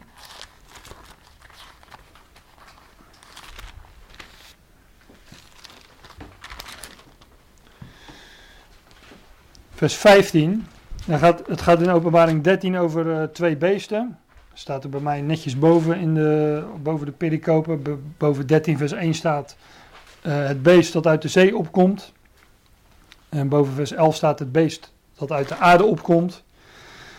En dat beest, hetzelfde in vers 15, werd macht gegeven om het beeld van het beest andere beest dus, een geest te geven zodat het beeld van het beest ook zou spreken en maken dat allen die het beeld van het beest niet zouden aanbidden, gedood zouden worden.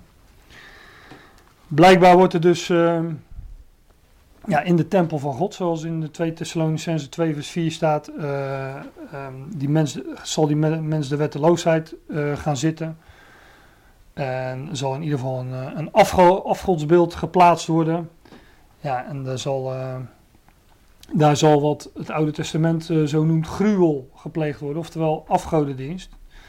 En um, daar refereert dan de Heer Jezus ook aan in de woorden die we eerder lazen in Matthäus 24, waarin hij zegt wanneer jullie dan de gruwel der verwoesting zullen zien staan in de heilige plaats.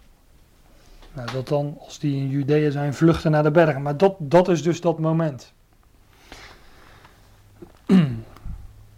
de gruwel, de verwoesting. Hè? Af, af, afgoderij is, gruwel is afgoderij en de gruwelijke uh, praktijken die, uh, die daarbij horen. En dan zegt Paulus in vers 5: Gedenkt gij niet, weten jullie niet meer, dat ik nog bij u zijnde u deze dingen gezegd heb? Paulus had het daar blijkbaar uh, uitgebreid over gehad. En nu, wat hem wederhoudt, weet gij, opdat hij geopenbaard worden te zijner eigen tijd. Er staat letterlijk en nu wat hem tegenhoudt of vasthoudt, maar dat maakt niet zo heel veel verschil met het woord wederhoudt. Wat hem tegenhoudt of wat hem vasthoudt, dat weten jullie, dat weet gij. Want Paulus zegt, weten jullie niet dat ik nog bij jullie zijn en jullie deze dingen gezegd heb? Hij had het daarover gehad. Wat hem weerhoudt, dat weet gij, opdat hij geopenbaard wordt, worden, die mens der wetteloosheid namelijk, te zijn er eigen tijd. Letterlijk staat er zoiets als uh, in zijn eigen periode. Op zijn eigen tijd, de periode van zichzelf. De periode die hij toegewezen heeft gekregen. Want zo is het ook maar weer. Er is een God die alles in zijn hand heeft. En uh, dingen moeten gebeuren. En God heeft daar instrumenten voor. En blijkbaar is dit uh, um, een instrument in Gods hand. Die een periode heeft toegewezen gekregen waarin hij geopenbaard zal worden, waarin die mens de wetteloosheid geopenbaard zal worden.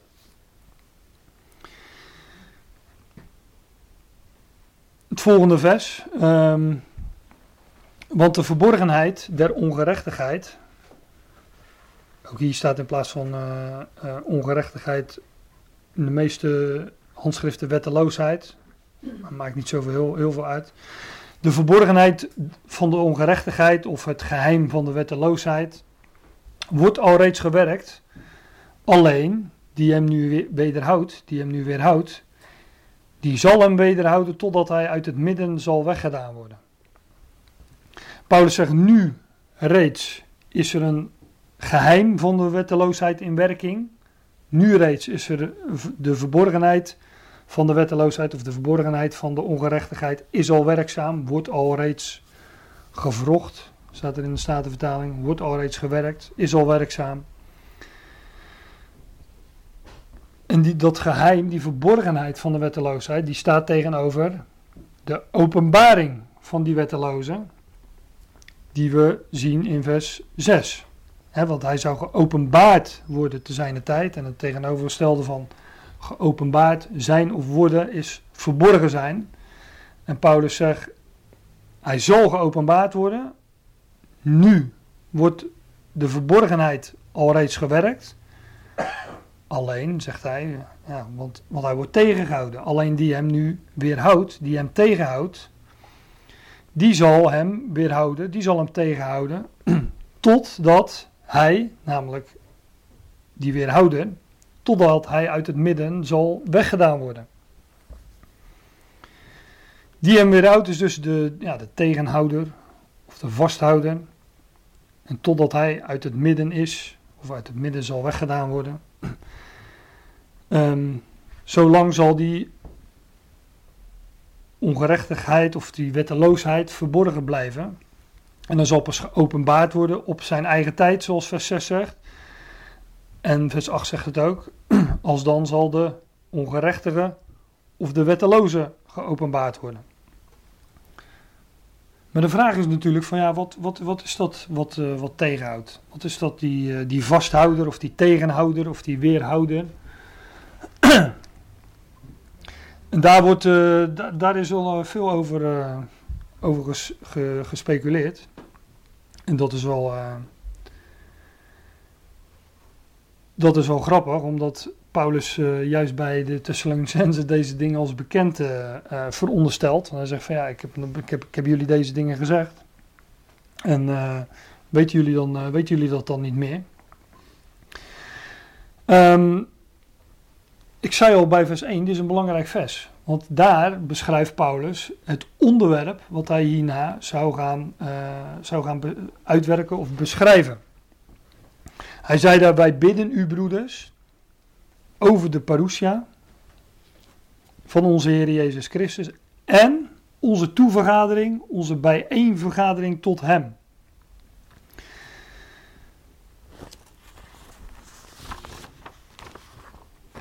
Nou, ik, ik geloof dat die tegenhouden, een andere conclusie kan ik niet trekken uit dit uh, gedeelte, dat dat de Ecclesia is. En dat het uit het midden weggedaan worden van die vasthouder, die wederhouder, die tegenhouder, dat dat de, ehm, onze toevergadering tot hem is die Paulus in vers 1 beschrijft.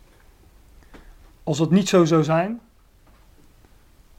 als dat niet hetzelfde zou zijn, dan noemt Paulus in vers 1 zijn onderwerp, onze toevergadering tot hem. Ehm, en dan wil het hebben over de parousia van onze Heer Jezus Christus.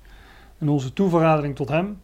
Als uit het midden weggedaan worden van die weerhouden niet hetzelfde is als onze toevergadering tot hem, dan noemt Paulus het hele onderwerp van onze toevergadering tot hem na 2 vers 1 niet meer. Dus dan zou hij het onderwerp aansnijden en, en het er niet meer over hebben. Daar, komt daar komt het eigenlijk op neer. Dus mijns inziens ja, kan je geen andere conclusie trekken dan dat de, de weerhouder die uit het midden zal weggedaan worden, hetzelfde is als onze toevergadering tot hem, wat Paulus in, in uh, 1 Thessalonicense 4 noemt, dat wij weggerukt worden in wolken de Heer tegemoet, in de lucht. Wat wij dus noemen de, de opname van de gemeente, of de wegrukking.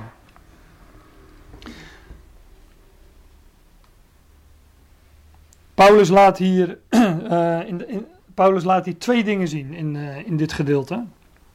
En dat is dat de aanwezigheid van de Thessalonicense, de aanwezigheid van de Thessalonicense hier op aarde, dat dat het bewijs is dat de dag des Heren nog niet aangebroken is. Want daar heeft hij het over in, uh, in vers 2. Dat is Paulus' boodschap. De aanwezigheid van die Thessalonicense, is het bewijs dat de dag des Heren nog niet aangebroken is. Want zodra die dag des Heren aanbreekt, zijn de, zegt Paulus, nou dan wordt die weerhouder uit het midden weggedaan. En, ik heb, en hij zegt, ik wil, um, ja, ik wil het met jullie hebben over onze toevergadering tot hem. Wat hij ook um, um, zegt, is dat het geheim van die wetteloosheid al werkt. Hè, wat, wat dat dan ook precies is maar dat het verborgen is. Totdat de Ecclesia uit het midden uh, is weggedaan. En dat dan de mens, de wetteloosheid, zich zal openbaren.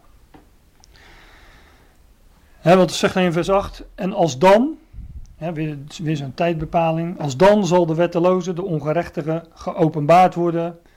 Staat er meteen bij hoe het met hem af zal lopen. Die de Heer verdoen zal uit de weg zal ruimen door de geest zijns monds en te niet maken in de verschijning van zijn parousia. Weer dat woord parousia, alleen gaat het hier over de verschijning van zijn parousia. Wanneer die parousia aanvangt, de, de, de wegrukking, de weerhouder die uit het midden zal worden weggedaan, ja, dat, dat, dan, zal, dan zal hij nog niet openbaar worden, de Heer Jezus Christus, maar in de verschijning van zijn parousia zal hij dat wel worden. Dit is dan ook een moment uh, waarin een sprongetje in de tijd wordt gemaakt en dat veel later plaats zal vinden. Onze toevergadering tot hem um, is het uit het midden weggedaan worden van uh, de weerhouder. En is ook het moment dat de wetteloze zich zal openbaren, dat hij uh, zich als dat hij, hoe het in vers 4 staat, dat hij zich tegenstelt en dat hij zich zal verheffen boven al wat God of als uh, God genaamd wordt, dat hij in de tempel van God zal zitten, zichzelf zal vertonen dat hij God is. Zoals in openbaring 13 vers 15 dat lazen van dat beeld dat, dat, uh, um, dat daar neergezet zal worden. En ook in Matthäus 24, volgens mij ook vers 15, dat er een verwoestende gruwel zal gesteld worden op de heilige plaats. Dat is het moment, staat hier ook, dat de tegenhouder, de vasthouder, de weerhouder, dat die uit het midden zal weggedaan worden. En dat is onze toevergadering tot hem.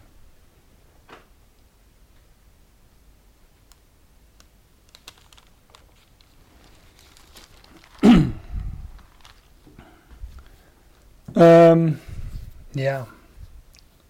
In 2 Thessalonicense 2 staat nog dat, uh, dat die parousia van, hè, ook weer dat woord toekomst, van die mens de wetteloosheid, die is naar de werking, de inwerking van Satan in alle kracht tekenen en wonderen der leugen. Hè, leugenachtige wonderen.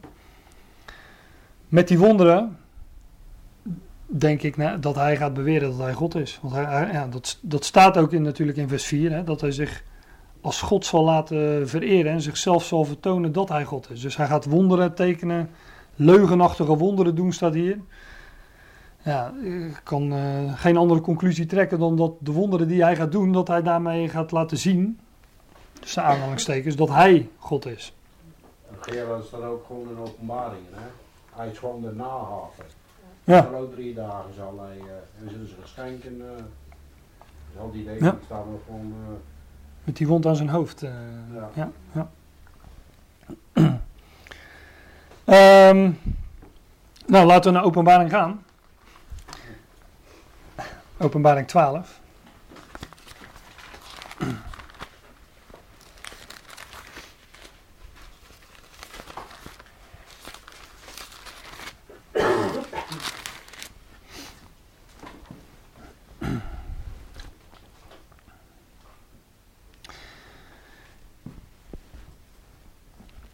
Ja, een eh, redelijk be- be- bekend schriftgedeelte eh, wel. Volgens mij. Ehm, ja, we vallen hier natuurlijk midden in het boek eh, Openbaring. Sowieso een lastig boek voor, voor velen. Ehm, wat we zien in het verband waar het in staat, hè, hoofdstuk 12, staat tussen hoofdstuk 11 en 13. Nou, dat, dat zal geen verrassing zijn voor, voor, voor u, maar in hoofdstuk 11 lezen we over twee getuigen in vers 3.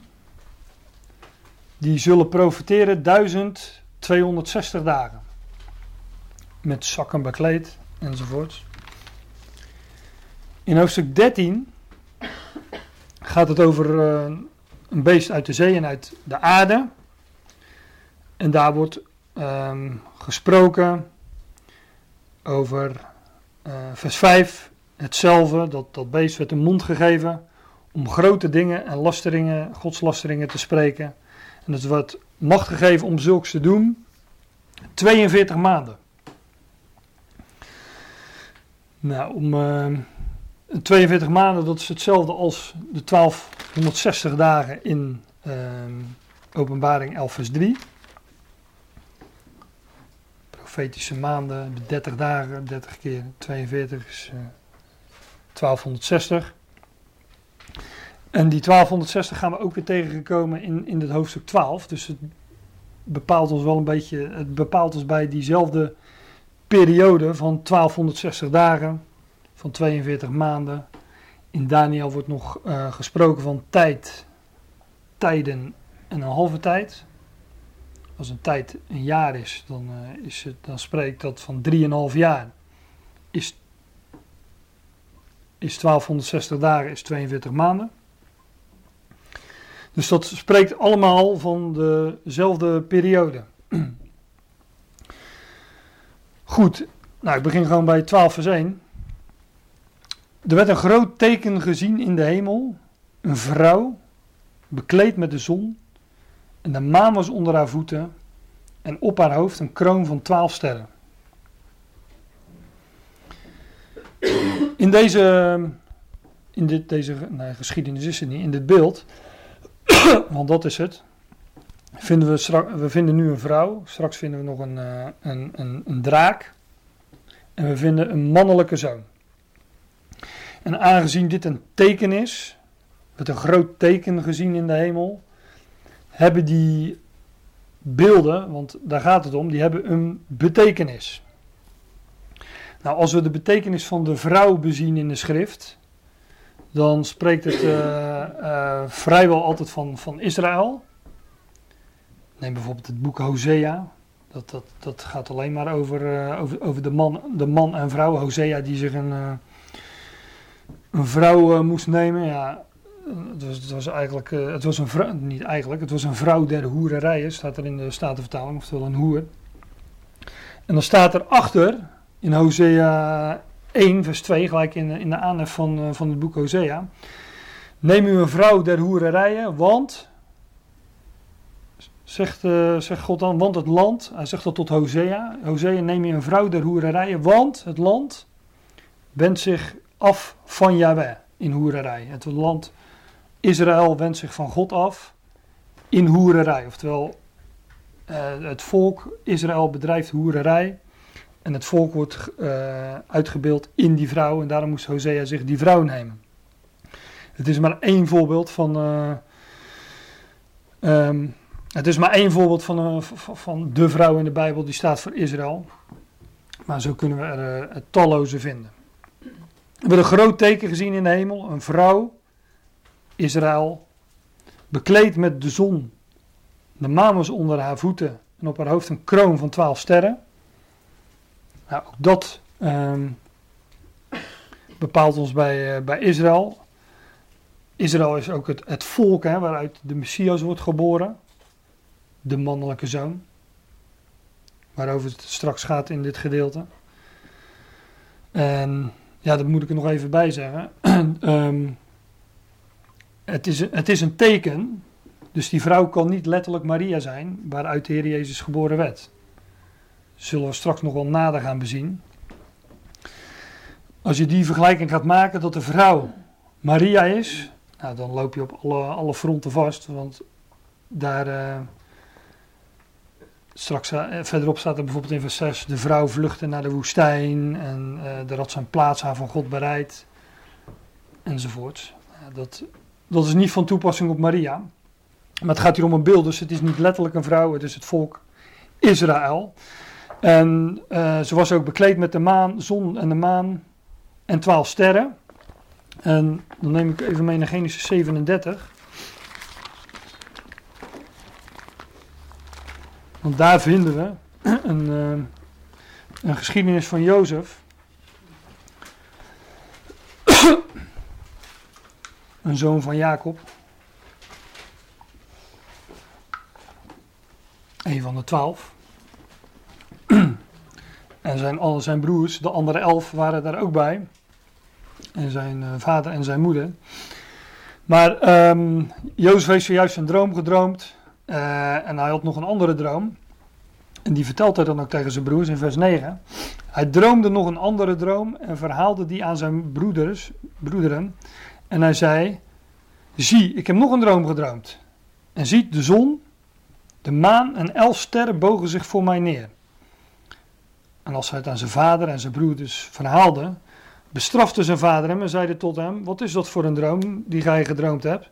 Zullen wij dan ganselijk komen, ik, uw moeder en uw broeders, om ons voor u ter aarde te buigen?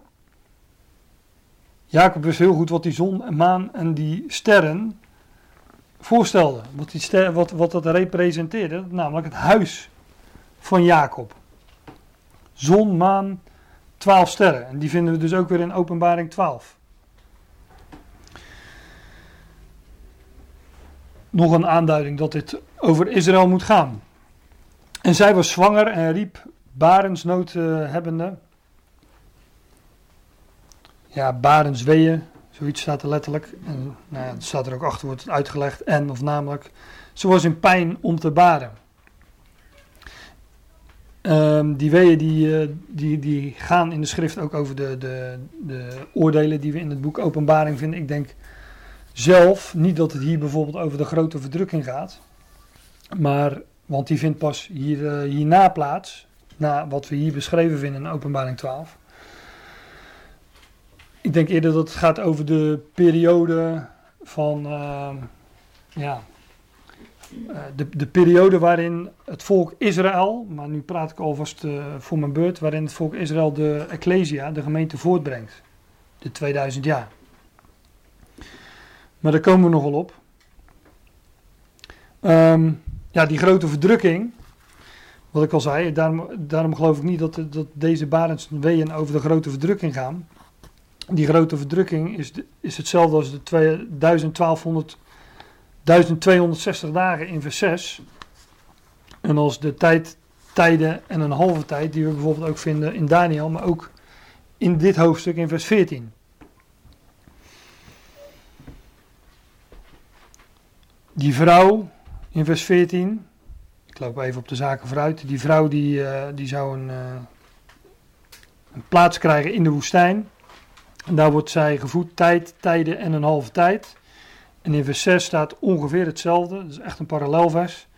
Die vrouw vlucht in de woestijn, alwaar zij een plaats had haar van God bereid, opdat zij haar al daar zouden voeden. 1260 dagen, 1260 dagen. Maar waarom is dat natuurlijk, hè, dat zij eh, vlucht naar de woestijn? Nou, dat lezen we hier. Er werd een ander teken gezien in de hemel. Vers 3. Je ziet, er was een grote rode draak, hebbende zeven hoofden en tien hoornen en op zijn hoofden zeven koninklijke hoeden. Nou, dat is nogal een voorstelling. Maar we hoeven niet te filosoferen over wie, uh, wie of wat die draak is. Want dat staat namelijk in vers 9. De grote draak is geworpen, namelijk de oude slang, welke genaamd wordt duivel en Satan, die de gehele wereld verleidt enzovoort. dus die draak is een, uh, in, in ieder geval een voorstelling van, uh, van, van Satan.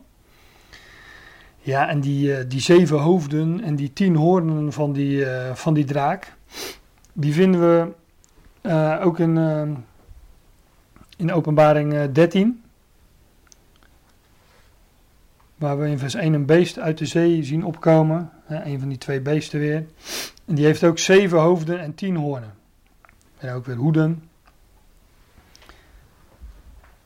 En in vers 2 van uh, openbaring 13, het beest dat ik zag was een, een, een paradel gelijk, dat is een, een panter of een luipaard. Zijn voet als de voeten van een beer, zijn mond als de mond van een leeuw. En de draak gaf hem zijn kracht, zijn troon en macht. Nou, dit zijn allemaal verwijzingen naar uh, oud-testamentische zaken. Um, die, die, die luipaard, dat luipaard, uh, die beer en die, uh, die leeuw die vinden we in, in Daniel, in het boek Daniel terug. Het gaat er over een, over een laatste wereldrijk. Je vindt dat in Daniel 7. Dat, hè, zoals openbaring 13 vers 2 zegt, dat, dat door de draak kracht, troon en grote macht wordt gegeven. En in, die, in dat beeld in openbaring 12, waar we dat teken zien, die grote rode draak met die hoofden en die hoornen. Ja, dat is een uitbeelding van het la laatste wereldrijk waaraan Satan zijn, uh, zijn macht en kracht uh, geeft. En um, ja, verderop in de openbaring vinden we daar ook nog wel wat, wat aanwijzingen voor, maar ik ga ze niet allemaal af. Zijn staart, vers 4, trok het derde deel des, van de sterven des hemels en wierp die op de aarde. En de draak stond voor de vrouw die baren zou, opdat hij haar kind zou verslinden wanneer zij het zou gebaard hebben. Dus het doelwit van die draak uh, is dat kind. Het doelwit van die draak uh, is dat kind wat door die, uh, door die vrouw gebaard wordt. Want hij wil het verslinden wanneer zij het zou gebaard hebben. En dan staat in vers 5: Zij baarden een mannelijke zoon, die al de heidenen zou hoeden met een ijzeren roede. En haar kind werd weggerukt tot God en zijn troon. Die mannelijke zoon komt voort uit Israël. Zoals Christus uit Israël is voortgekomen. En um, die mannelijke zoon is ook Christus of, uh, of uh, de Christus ze baden een mannelijke zoon die al de heidenen zou hoeden met een ijzeren roede. Nou, dat is een verwijzing naar, naar Psalm 2. Zou hoeden met een ijzeren roede. Ik ga daar even naartoe naar Psalm 2.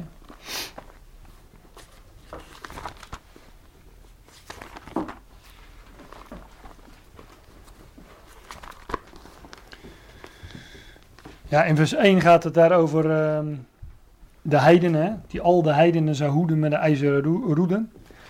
Psalm 2 vers 1 wordt gezegd, waarom woeden die heidenen en bedenken die volken ijdelheid? In vers 2 gaat het over de koningen der aarde die zich opstellen tegen den Heere, tegen Jabé. en tegen zijn gezalfde. Gezalfde, het Hebreeuwse woord wat hier staat, is, uh, is gewoon Messiach. Dus de koningen der aarde stellen zich op tegen, tegen tegen God en zijn gezalfde, zijn Messias. In vers 6 ook weer, hè, zegt, uh, zegt God, ik, ik toch heb mijn koning gezalfd over Sion. Ook weer dat woord gezalfd. Die koning is gezalfd. Die koning is dus een Messias, een gezalfde. Ik toch heb mijn koning gezalfd over Sion, de berg mijner heiligheid. Ik zal van het besluit verhalen. De Heer heeft tot mij gezegd: Gij zijt mijn zoon. Dus het gaat over Christus. Gij zijt mijn zoon. Heden heb ik u gegenereerd. En dan dat. Uh, en dan in vers 9: Gij zult hem verpletteren met een ijzeren scepter. en dit is de verwijzing uh, die in openbaring gegeven wordt. Dus de verwijzing naar dit vers. Die alle heidenen zou hoeden met een ijzeren roede. In het Hebreeuws hier in Psalm 2, de Statenvertaling is het een, eh, een ijzeren. Een ijzeren roede. Het gaat over de zoon, de koning, maar ook de Messias, die de volkerenwereld, uh, de volkerenwereld onderwerpt. En uh, hij is in ieder geval die, die mannelijke zoon in openbaring 12 vers 5, die alle heidenen zou hoeden met een ijzeren roede.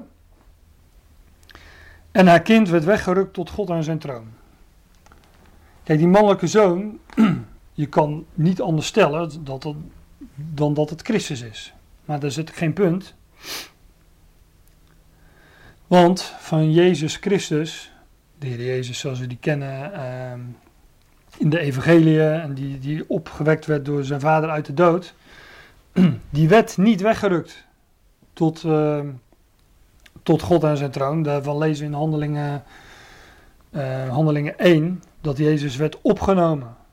1 vers 9 is dat. Hij werd opgenomen en er staat ook dat de discipelen die aanwezig waren, die zagen hem terwijl hij heen voer. Nou, dat klinkt wel als een tamelijk rustig geleidelijk proces en niet um, zoals hier beschreven wordt, als een, uh, als een geboorte van een kind waarnaast een draak staat, beeld van, uh, van, Satan of, een satanisch wereldrijk, die dat kind wil verslinden. Dus het gaat hier in ieder geval niet over de, de hemelvaart van, uh, van Christus. Overigens is dit woordje weggerukt wat hier staat in Openbaring 12, hetzelfde woordje als dat we vinden in 1 Thessalonicense 4, vers 17, waar staat dat uh, de doden in Christus en de levend overblijvenden weggerukt zullen worden, de Heer tegemoet in de lucht. Weggegrist, weggerukt. Kijk, die mannelijke zoon, ik geloof dat het de Ecclesia is, de gemeente, want de gemeente is het lichaam van Christus. Paulus zegt zelfs in de Efezebrief dat de Ecclesia de completering is van Christus, van, van het hoofd. hoofd. Een hoofd zonder lichaam is geen, uh, is geen eenheid. En de Ecclesia, het lichaam van Christus en het hoofd, dat is een eenheid. Dus waar gesproken wordt over Christus, ja, daar is vaak in de schrift de, het lichaam van Christus bij inbegrepen. En um, ik geloof dus dat die mannelijke zoon de Ecclesia is, het lichaam van Christus, van de Christus, die dus inderdaad wordt weggerukt tot God en zijn troon. Zoals we al zagen in, uh, in eerdere schriftgedeeltes.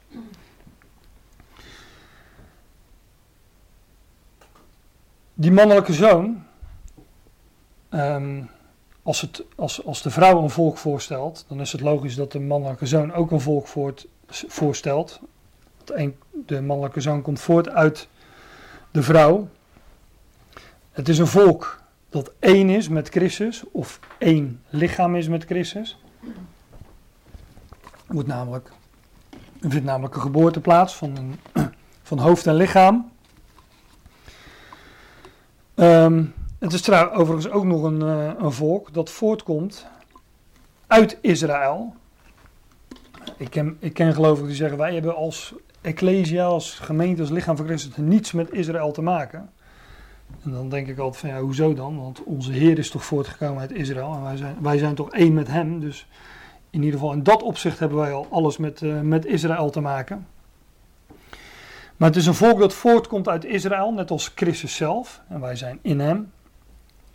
En dit volk wordt weggerukt tot God en zijn troon. Met het oog op die draak. Daarvoor wordt hij weggerukt, die mannelijke zoon, tot God en zijn troon. Voor naderend gevaar. Die aartsengel Michael, die, eh, die daar uh, op stond voor die tijd van benauwdheid. Voor die grote verdrukking die, die komen zou.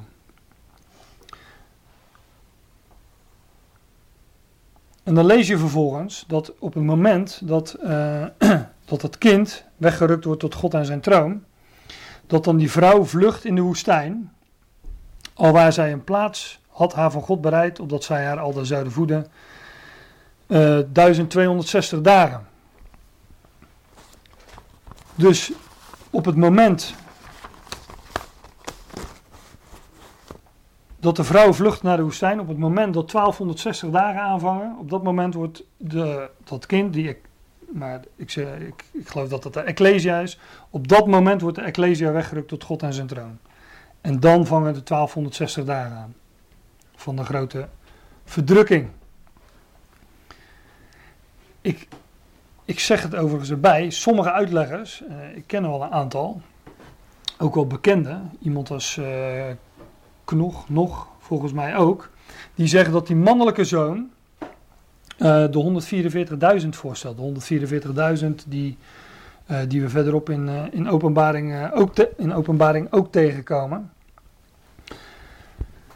En dat dan de 144.000, dat die weg worden gerukt tot, tot God en de troon van zijn Messias op aarde. Maar op dat moment is er helemaal nog geen troon van de Messias op aarde. Op dat moment moet de grote verdrukking nog aanvangen. Op dit moment wat hier beschreven wordt in ieder geval. Want het is de aanvang van 1260 dagen. Van 1260 dagen dat de vrouw Israël vlucht in de woestijn. En waar zij een plaats heeft uh, uh, van God bereid. Pas na die grote verdrukking, als volk Israël de naam des Heren, de naam van Jehovah aan zal roepen.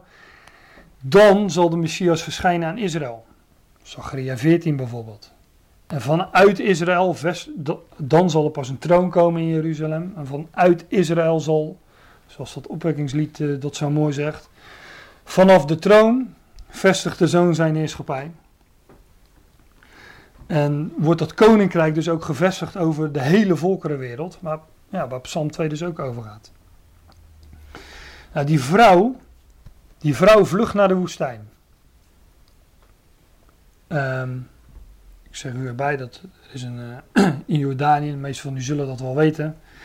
Ik ben er zelf wel eens geweest. Daar is een, uh, een, een, plek in de woestijn, een stad, helemaal in rotsen uitgehouden. Die stad heet Petra of Sela, rots. En um, ja, die plaats vinden we in de profetieën terug. En ik geloof ook, zonder daar verdere toelichting bij, bij te geven, dat, dat het die plek is waar die vrouw waar Israël haar onderkomen zal zoeken. En dat dat de plaats is die God haar bereid heeft. Zoals openbaring 12 vers 6 zegt. En daar staat dan ook dat zij, op, zij heeft daar een plaats door God bereid. En dan staat er, opdat zij haar al daar zouden voeden, 1260 dagen. In de meeste vertalingen is dit wegvertaald. Want ja, wie is zij? Voor mij heeft de MBG zoiets als opdat zij daar gevoed zou worden 1260 dagen. Maar er staat in de grondtekst, opdat zij haar al daar zouden voeden 1260 dagen. Wie is zij? Er zijn drie opties in, in dit beeld. De vrouw, maar het gaat hier over de vrouw die gevoed wordt, dus dat is al geen optie meer. De tweede optie is dat zij uh, de draak voorstelt. Nou, die draak die uh, leeft niet op goede voet met de vrouw, dus die, uh, die heeft andere plannen dan, dan haar voeden. Dus dan blijft er nog maar één over, dat zij, meervoud, de mannelijke zoon is. wat ook meteen een eh, onderbouwing is voor eh, een argument is voor het feit dat die mannelijke zoon een volk is, een meervoud, en dat daarvoor die, het lichaam van Christus, die Ecclesia, een taak ligt om die vrouw te voeden in die 1260 dagen. Nou, daar, kunnen we natuurlijk, daar kunnen we natuurlijk over fantaseren hoe dat zal zijn. Hè. Uh, gaan we daar brood brengen of uh, brengen we daar uh, waar dat brood een beeld van is? Misschien wel allebei. Hè, gaat het over voeden vanuit het woord, geestelijk voeden, of gaat het over stoffelijk voeden? Nou, dat, daar mag u over fantaseren wat mij betreft. Ik, ik kan het hier, uit, uit wat hier staat, niet, niet concluderen. Maar dat zijn wel geweldige dingen als je dat, als je dat leest. Ja, die 1260 dagen wordt die vrouw gevoed in die woestijn, in die plaats, waar zij veilig is voor de toorn van de draak. Kom ik straks nog op. Um, en die 1260 dagen, nogmaals, dat is hetzelfde, eenzelfde periode als 42 maanden uit Openbaring 13, vers 5 als tijd, tijden en een halve tijd uit 12 vers 14. Dat zijn namelijk ook parallelversen, dus dat ene vers, die twee versen leggen sowieso elkaar uit. Die leggen uit wat tijd, tijden en een halve tijd is. Dat is namelijk 1260 dagen. Want in beide versen gaat het over, een, uh, over de, de vrouw die een uh, plaats heeft, haar bereid in de woestijn.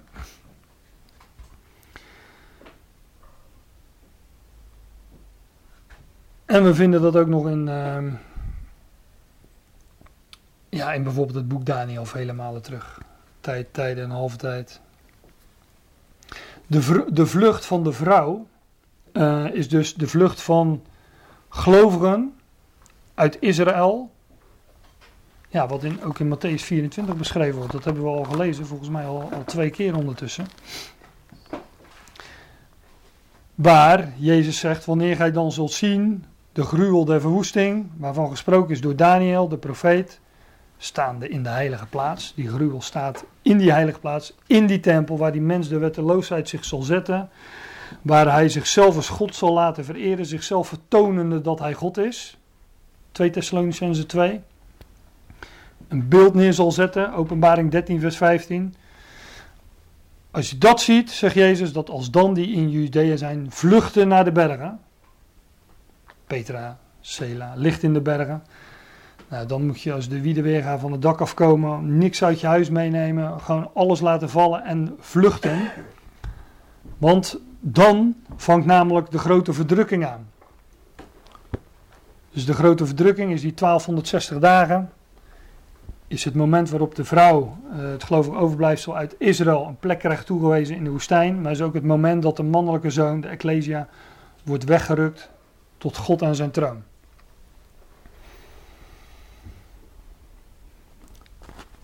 Aanvang van de, het moment van de wegrukking dus en de aanvang van de grote verdrukking, om het heel kort samen te vatten.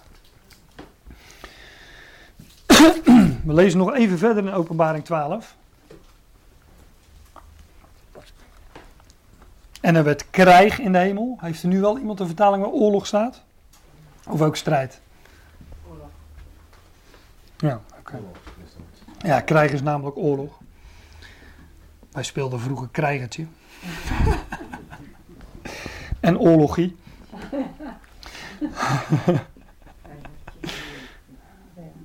Krijgen is geen oorlog.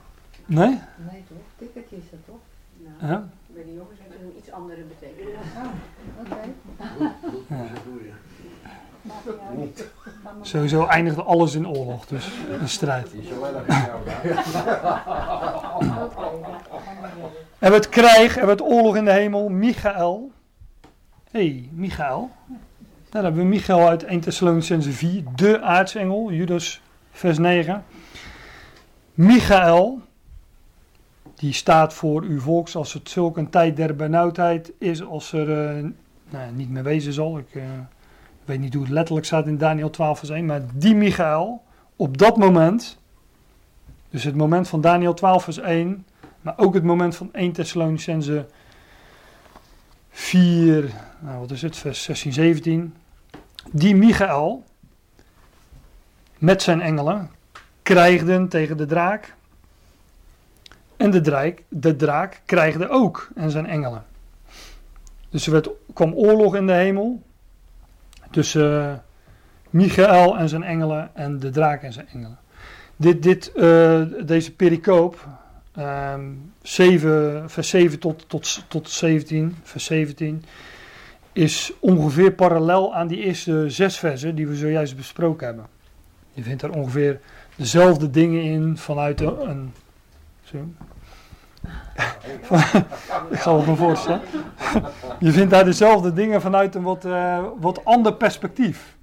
Ik heb die helm niet op, hè? Die helm van redding heb ik niet op, dus ik stoot mijn hoofd. Nee, de, vers 7 tot 17 is, een is parallel aan de eerste zes versen. En het is vanuit een wat ander perspectief bezien. Nou, daar kunnen we ook een hele studie van maken. Uh, maar ja, daar ga ik even aan voorbij. Maar het is wel mooi om dat naast elkaar te leggen. Hier wordt in ieder geval Michael geïntroduceerd. In, in dit beeld. En um, ja, wat ik al zei. Daniel 12, 1 Thessalonians 4, daar kwamen we Michael ook al tegen. Nou, daar, daar is oorlog. In de hemel overigens. Hè. Michael en zijn engelen krijgen tegen de draak. We hadden al gezien dat die draak is Satan, is de duivel. Die is dus blijkbaar niet in de hel, maar in de hemel. Ja, ik zeg er maar even bij, want. Die weet me nooit. Die krijgen we er zo gratis bij. En uh, vers, ne, uh, vers 8, zij hebben niet vermocht. Ze waren niet bij machten. En hun plaats is niet meer gevonden in de hemel. Ze waren, uh, ja. Gerard, als ja. nou bijvoorbeeld die wapenrust. Dan wordt er ook al gezegd van, we hebben een strijd niet tegen vlees en bloed. Mm -hmm. Tegen de machten en de krachten. De overheden in de lucht. Kun je dat ook hier op van betrekken? Nou, die machten en krachten, dat lees ik hier in ieder geval. Uh, de draak, de, welke, welke, dat zegt vers 9, welke is de oude slang, duivel en Satan met zijn engelen. Als de geestelijke boosheden in de lucht. Hetzelfde is als die duivel, Satan en zijn engelen, zijn boodschappers. Dan is dat inderdaad hetzelfde, ja. En ik geloof ook dat, wel, ik geloof ook dat het zo is, ja. ja. ja.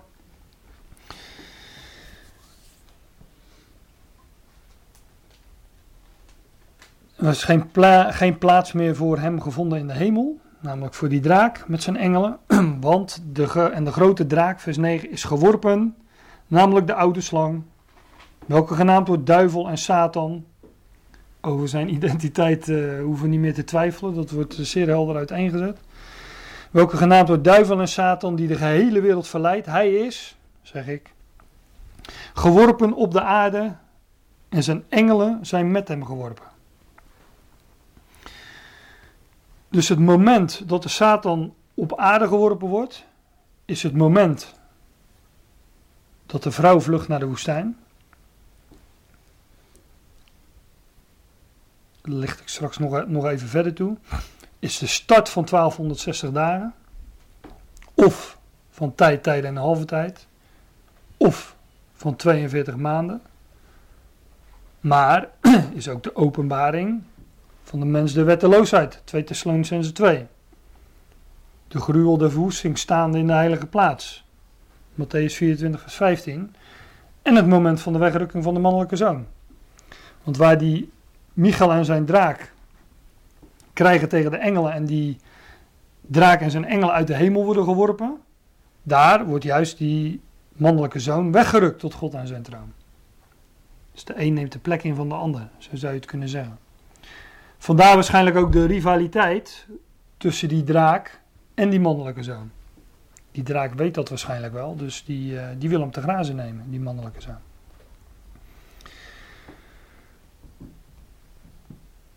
Um, laat ik vanuit vers 9. En de grote draak is geworpen, namelijk de oude slang, ook genaamd door duivel en Satan, die de hele wereld verleidt. Hij is geworpen op de aarde Zijn engelen zijn met hem geworpen. Laat ik dan meteen verder lezen in vers 13. Licht ik straks toe waarom ik dat doe. Want hier is hij geworpen op de aarde en zijn engelen zijn met hem geworpen. En dan lezen we in vers 13. En toen de draak zag dat hij op de aarde geworpen was. Je kan hier namelijk zo verder lezen. Toen de draak zag dat hij op de aarde geworpen was, zo heeft hij de vrouw vervolgd. Die het manneke, die mannelijke zoon, gebaard had. Eigenlijk had ik vers 12b en nog even bij moeten lezen. Daar staat: Wee degene die, op de die de aarde en de zee bewonen, want de duivel is tot u afgekomen. En hij heeft grote toren, wetende dat hij een kleine tijd heeft. Dus, hier komt hij, de toren van de draak. Wee degene die de aarde en de zee bewonen, de duivel, hè, die draak, die, namelijk die oude slang, die is tot u afgekomen. Hij heeft grote toorn en een kleine tijd. Nou, hoeveel tijd heeft hij? Tijd, tijden, een halve tijd, 1260 dagen, 42 maanden. In dit verband. De duivel heeft grote toorn en een kleine tijd. Kleine tijd.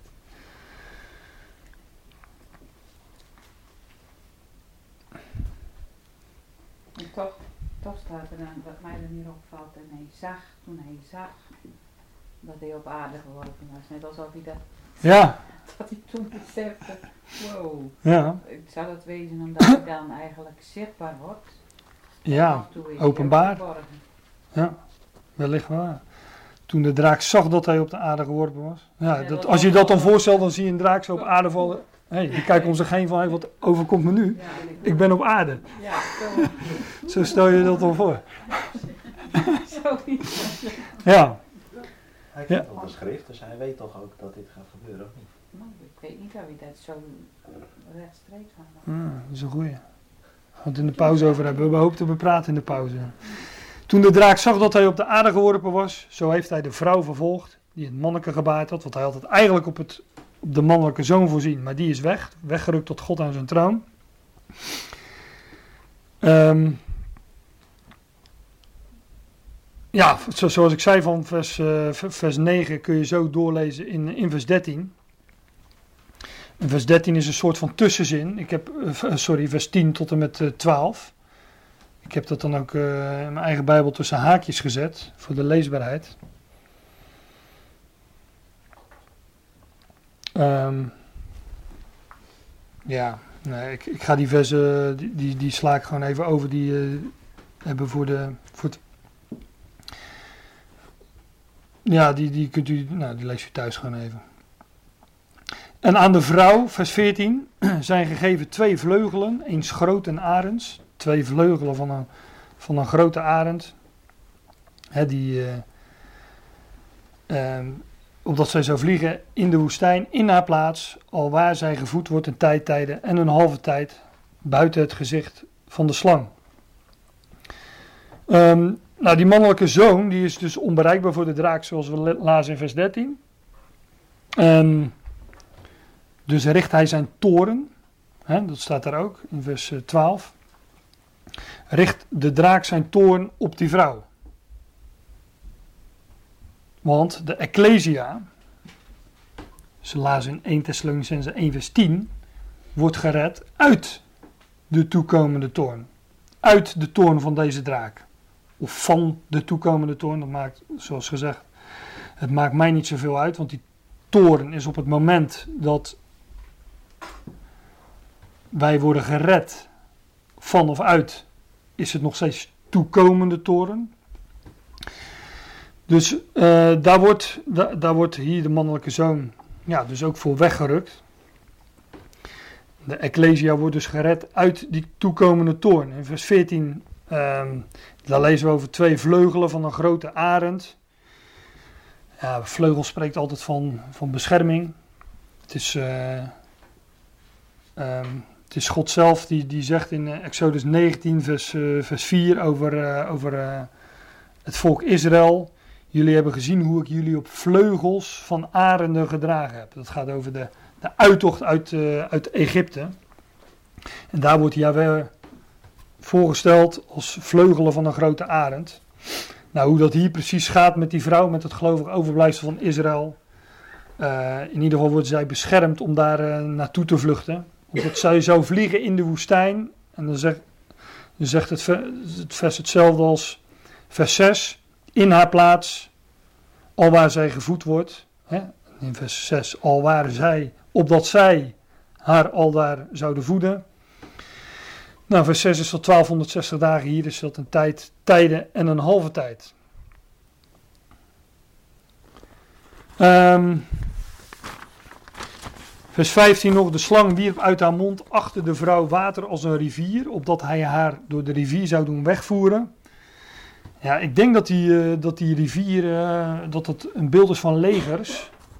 Want uh, in Jezaja 8, vers 7 en 8 worden wordt dat beeld gebruikt.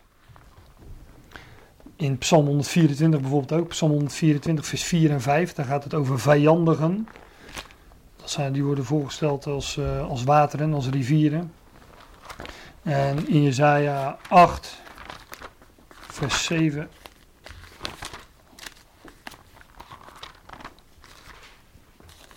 Daar gaat het echt over legers.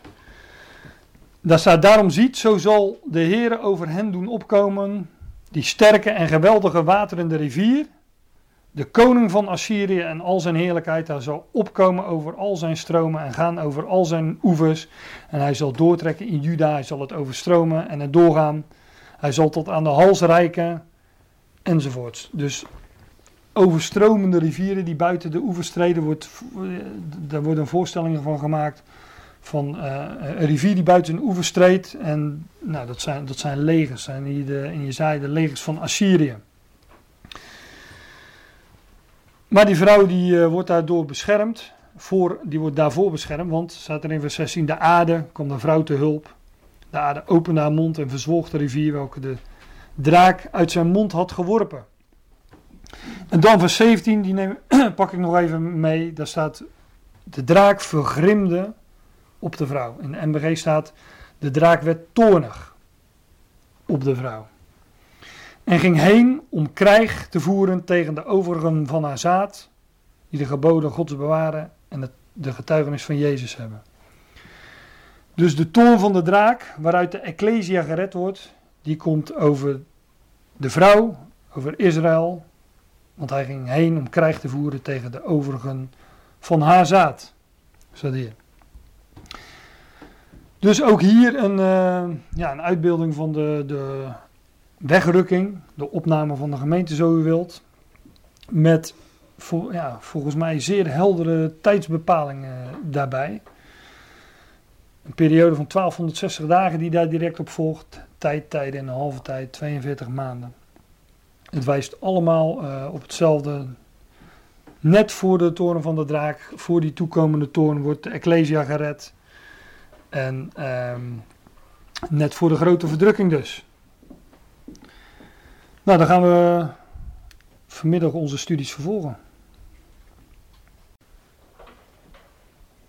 Goed, dan gaan we weer verder. Um, deze ochtend hebben we um, ja, zo ongeveer wel de, de bekendste schriftplaatsen uh, onder ogen gehad. Die, die spreken van uh, um, van dat moment, van die gebeurtenis, wegrukking, opname van de gemeente, de Heer tegemoet. Um, ik wil uh, nu nog een aantal schriftplaatsen laten zien, die wat onbekender zijn en die er wel over gaan. Ik begin in 2 Korinthe 5. 2 Korinthe 5 is overigens een ja, tamelijk bekend uh, hoofdstuk, omdat er een, een aantal bekende passages in staan. De rechterstoel van Christus, die kent u misschien wel, die, dat begrip. Um, Paulus vertelt ook dat in dat hoofdstuk dat één voor allen gestorven is en allen gestorven zijn. Dat wij niemand meer naar het vlees kennen. Dat wij in Christus een nieuwe schepping zijn. Allemaal hele bekende, bekende versen uit 2 Korinthe 5. Ook het laatste gedeelte dat, uh, ja, dat spreekt over verzoening. Maar ik wil naar vers eh 1 gaan. De eerste paar versen. Daar staat, ehm, want wij weten dat zo ons aardse huis, deze tabernakel, gebroken wordt. Wij een gebouw van God hebben, een huis, niet met handen gemaakt, maar eeuwig in de hemelen. Paulus vangt het vers aan met want. En daarmee refereert hij, grijpt hij natuurlijk terug of concludeert hij naar aanleiding van het voorgaande. En hij, uh, het voorgaande dat gaat erover, uh, Paulus zegt in bijvoorbeeld vers 8, dat, uh, dat, dat hij als apostel, hè, dat hij verdrukt wordt, in vers 9 vervolgd, en dat hij leeft met de dood, um, nou ja, hij zegt in vers 10, altijd de doding van de Heer Jezus in het lichaam omdragende. Wij zouden dat wellicht formuleren als altijd met de dood in de schoenen lopende. um, en in vers, um, ja, ook in vers 11 spreekt hij, we worden altijd in de dood overgegeven om Jezus wil. En in vers 12, zo dan, de dood werkt wel in ons.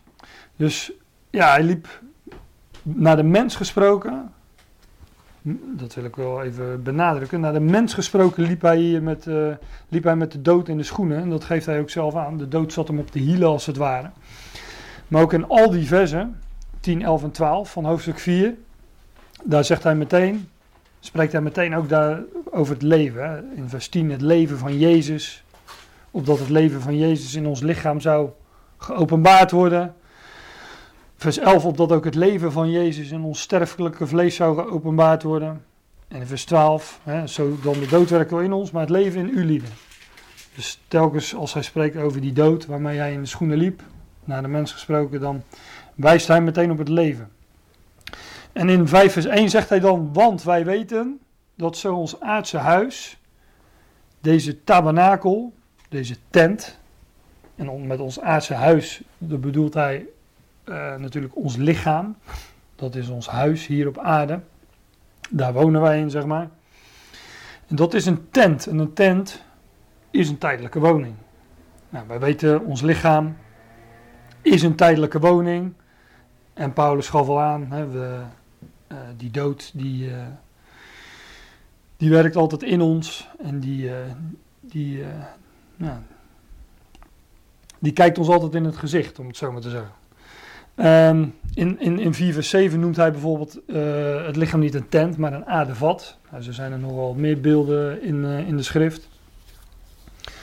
Wij weten dat zo ons aardse huis, dit lichaam, deze tabernakel, deze tent, gebroken wordt, afgebroken wordt, dat wij een gebouw uit God hebben. Ja, er staat van, maar in de grondtekst staat letterlijk uit.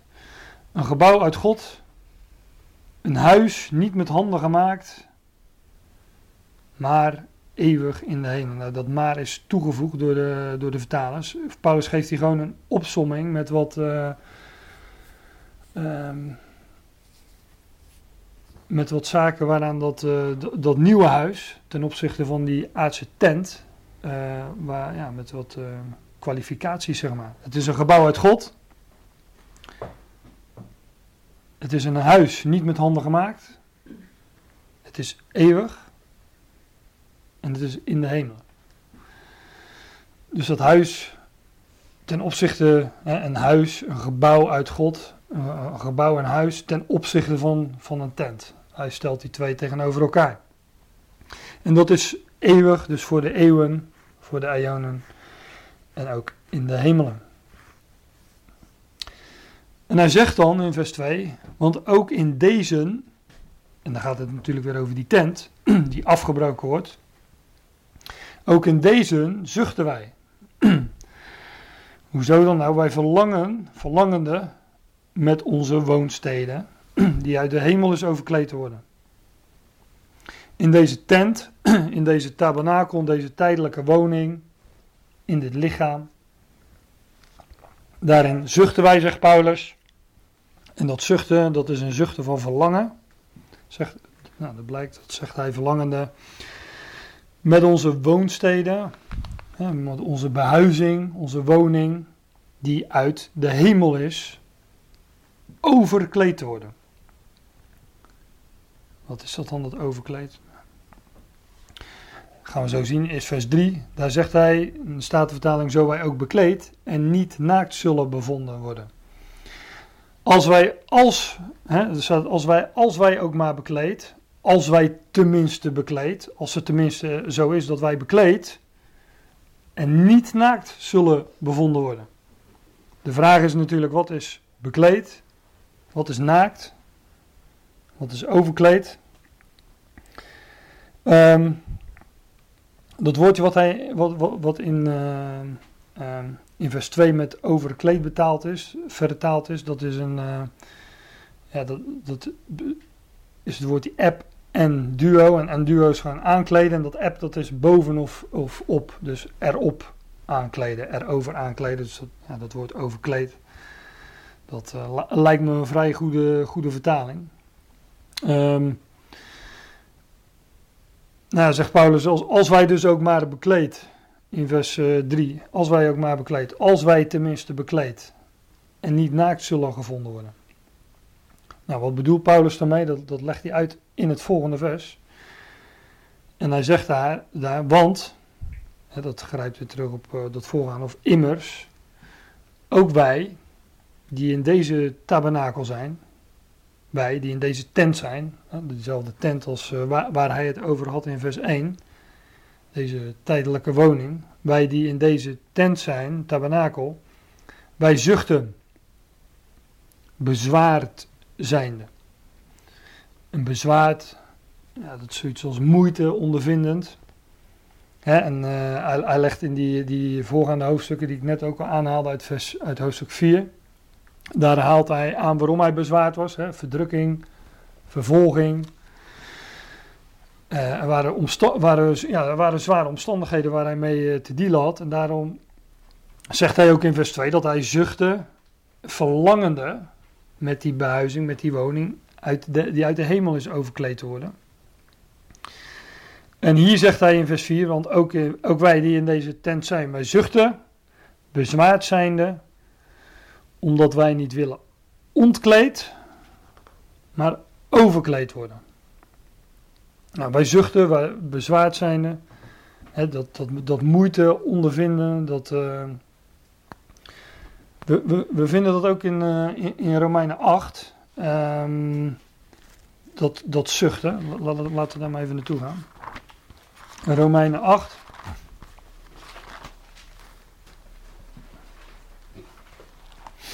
In Romeinen 8 zegt Paulus uh, in vers 18 dat hij, uh, ik, houd, ik houd het daarvoor, letterlijk staat er, ik reken, logizomai is een woord, ja, logisch berekenen, beredeneren. Ik, ik reken dat het lijden van deze tegenwoordige tijd, die vervolging en verdrukking in 2 Korinthe 4, dat dat niet is te waarderen tegen de heerlijkheid die aan ons zal geopenbaard worden. Dus uh, Paulus zegt, ik reken dat het lijden wat we, ja, wat we ondervinden in deze tegenwoordige tijd, het is niet te waarderen. Letterlijk staat er dat het niet waard is vergeleken te worden of geen gewicht legt in de schaal bij de heerlijkheid die aan ons zal geopenbaard worden. En um, dan zegt, ik sla een versen over, want dan zegt hij in vers 22, wij, want wij weten dat het ganse schepsel, de hele schepping, tezamen zucht. Dus die hele schepping zucht. De hele schepping is tezamen in barensnood is, tot nu toe. Die hele schepping zucht, de hele schepping is in barensnood.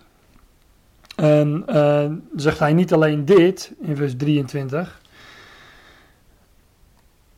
maar ook wij, wij zelf, die de eerstelingen des geestes hebben of zijn, wij die de eerstelingen van de geest hebben of zijn, wij ook zelf, wij zuchten in onszelf,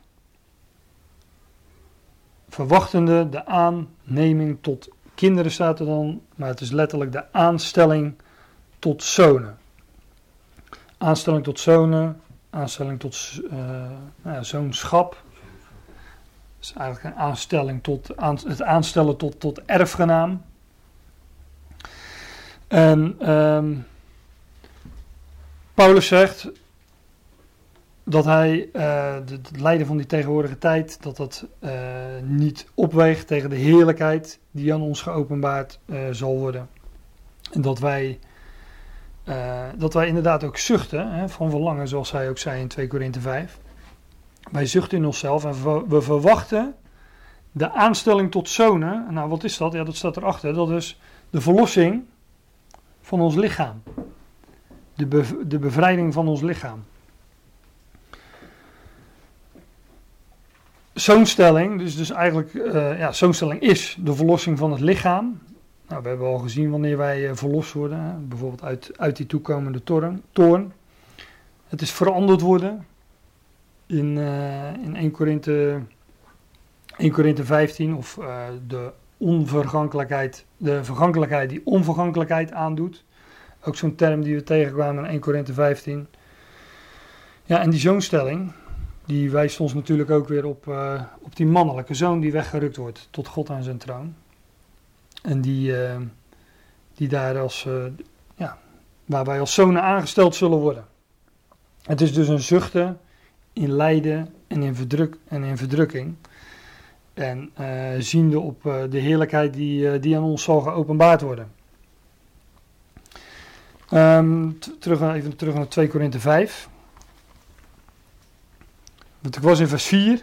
Wij die in deze tent zijn, wij zuchten, deze tabernakel, bezwaard zijn omdat wij niet willen ontkleed, maar overkleed worden.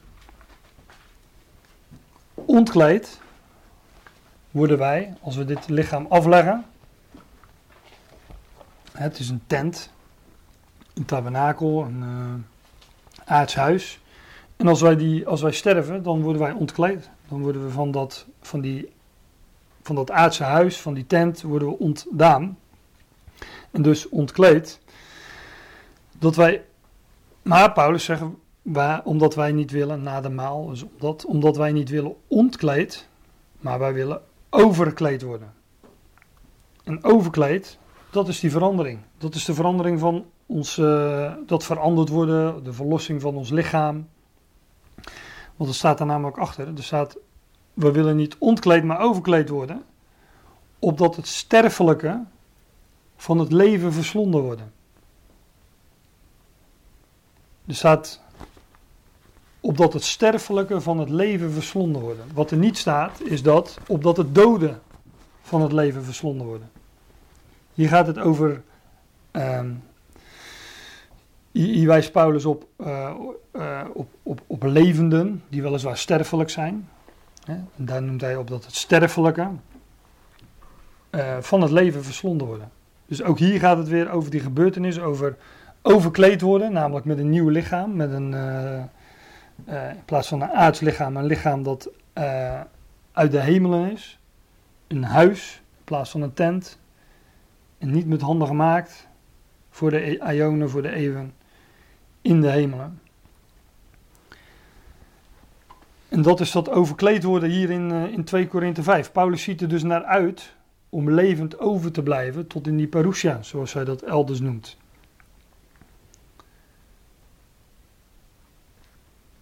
Want, um, staat in, in 1 Korinthe 15, 1 Korinthe 15 staat, um, ik lees het even voor, vers, vers 50. Maar ik zeg dit, broeders, dit zeg ik broeders, dat vlees en bloed het koninkrijk van God niet beërven kunnen en de verderfelijkheid beërft de onverderfelijkheid niet. Vergankelijkheid beërft geen onvergankelijkheid. En daarom zegt Paulus, ziet ik zeg u die verborgenheid, waar we eerder ook al naartoe waren gegaan met die schriftplaats. Wij zullen wel niet alle ontslapen, maar we zullen alle veranderd worden. In een punt destijds, hè, een atoom, ondeelbaar ogenblik, in een ogenblik met de laatste bezuin, want de bezuin zal slaan, de doden zullen onverderfelijk, dat is onvergankelijk opgewekt worden, en wij zullen veranderd worden. Want, zegt hij, dit verderfelijke, dit vergankelijke, moet onvergankelijkheid aandoen. Want vlees en bloed hè, kunnen het koninkrijk gods niet beërven. Dus dit vergankelijke moet onvergankelijkheid aandoen. En dit sterfelijke moet onsterfelijkheid aandoen. Nou, dit sterfelijke moet onsterfelijkheid doen, aandoen. Op het moment dat, uh, dat in die parousia van Christus nog levenden zijn, ja, zullen de, de nog levenden veranderd worden, zoals we al hadden gezien. En hier noemt Paulus in 2 Korinthe 5, noemt hij dit overkleed worden, opdat het sterfelijke van het leven verslonden worden. En 1 Korinthe 15 um, zei hij, dit sterfelijke moet onsterfelijkheid aandoen. Overkleden is dat dus in, uh, in 2 Korinthe 5. Ja, um,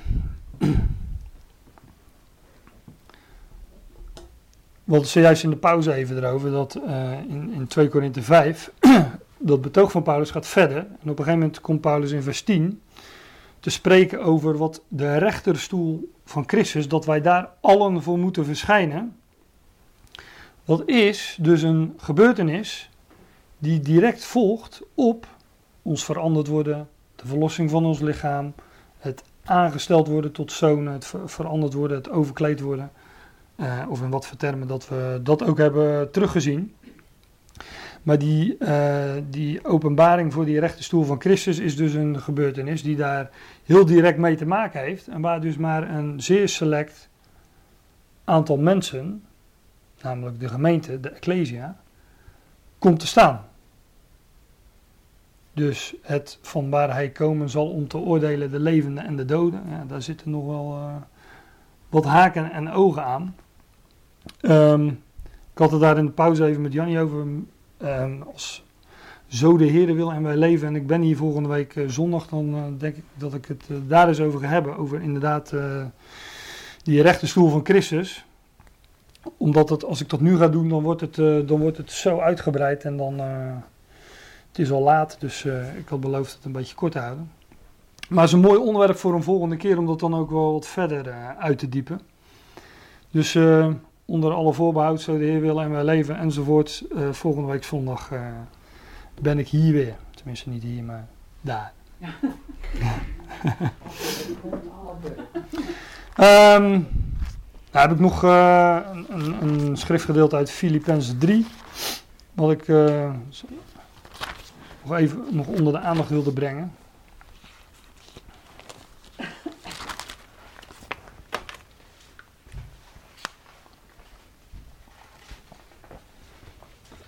In Filippenzen 3 spreekt uh, Paulus uh, in vers 19, de laatste frase van, uh, van het vers, over mensen die aardse dingen bedenken. En hij stelt daar tegenover dan in vers 20, maar onze wandel, is ook een heel bekend vers dit overigens, maar onze wandel is behoort in de hemelen, waaruit wij ook de zaligmaker verwachten, namelijk de Heer Jezus Christus, die ons vernederd lichaam veranderen zal, opdat hetzelfde gelijkvormig worden aan zijn heerlijk lichaam, naar de werking, waardoor hij ook alle dingen aan zichzelf kan onderwerpen. Nou, dat maar is dus in tegenstelling tot uh, het maar van vers 20, is dus in tegenstelling met uh, wat hij zegt in vers 19 onze wandel, ons burgerschap uh, is of behoort in de hemelen, waaruit wij ook de zalig maken, maar dat staat gewoon het woordje redder, uit de hemel, in de hemelen waar, waaruit, dus uit die hemelen, waaruit wij ook de redder verwachten, namelijk de Heer Jezus Christus. Ik kom dan toch weer in uh, het vers in 1 Thessalonicense 1, waar we hadden gelezen dat Paulus zegt van joh, eh, tegen Thessalonicenzen, jullie zijn tot God bekeerd.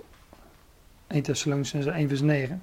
Jullie zijn tot God bekeerd, omgekeerd en weg van, van die afgoden, om de levende en God te dienen. En zijn zoon uit de hemelen te verwachten. Net als in Filippenzen 3 vers 20. Waaruit wij ook de redder verwachten.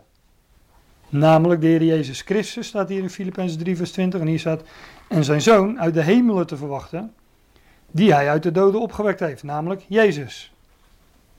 En hier staat in Filippenzen 3 vers 20, namelijk de Heer Jezus Christus. Dan ligt in uh, 1 Thessalonicense 1 die nadruk op die ons verlost, die ons bevrijdt, die ons uitredt van of uit de toekomende toorn. En in, uh, in Filippenzen 3, vers uh, 21 gaat het erover dat die ons vernederd lichaam zal veranderen. Letterlijk staat daar het woordje transfigu transfigureren, dus echt, uh, ja, dat zal een metamorfose ondergaan. Die ons vernederd lichaam, staat wat korter dan dat het in, het, in de vertaling staat, die ons vernederd lichaam transfigureren zal, gelijkvormig aan zijn heerlijk lichaam.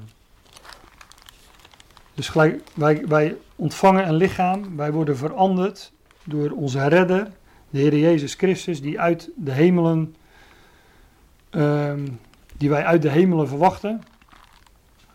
En hij verandert ons, hij transfigureert ons, vernedert lichaam, deze, dit aardse huis, deze tent, deze tabernakel.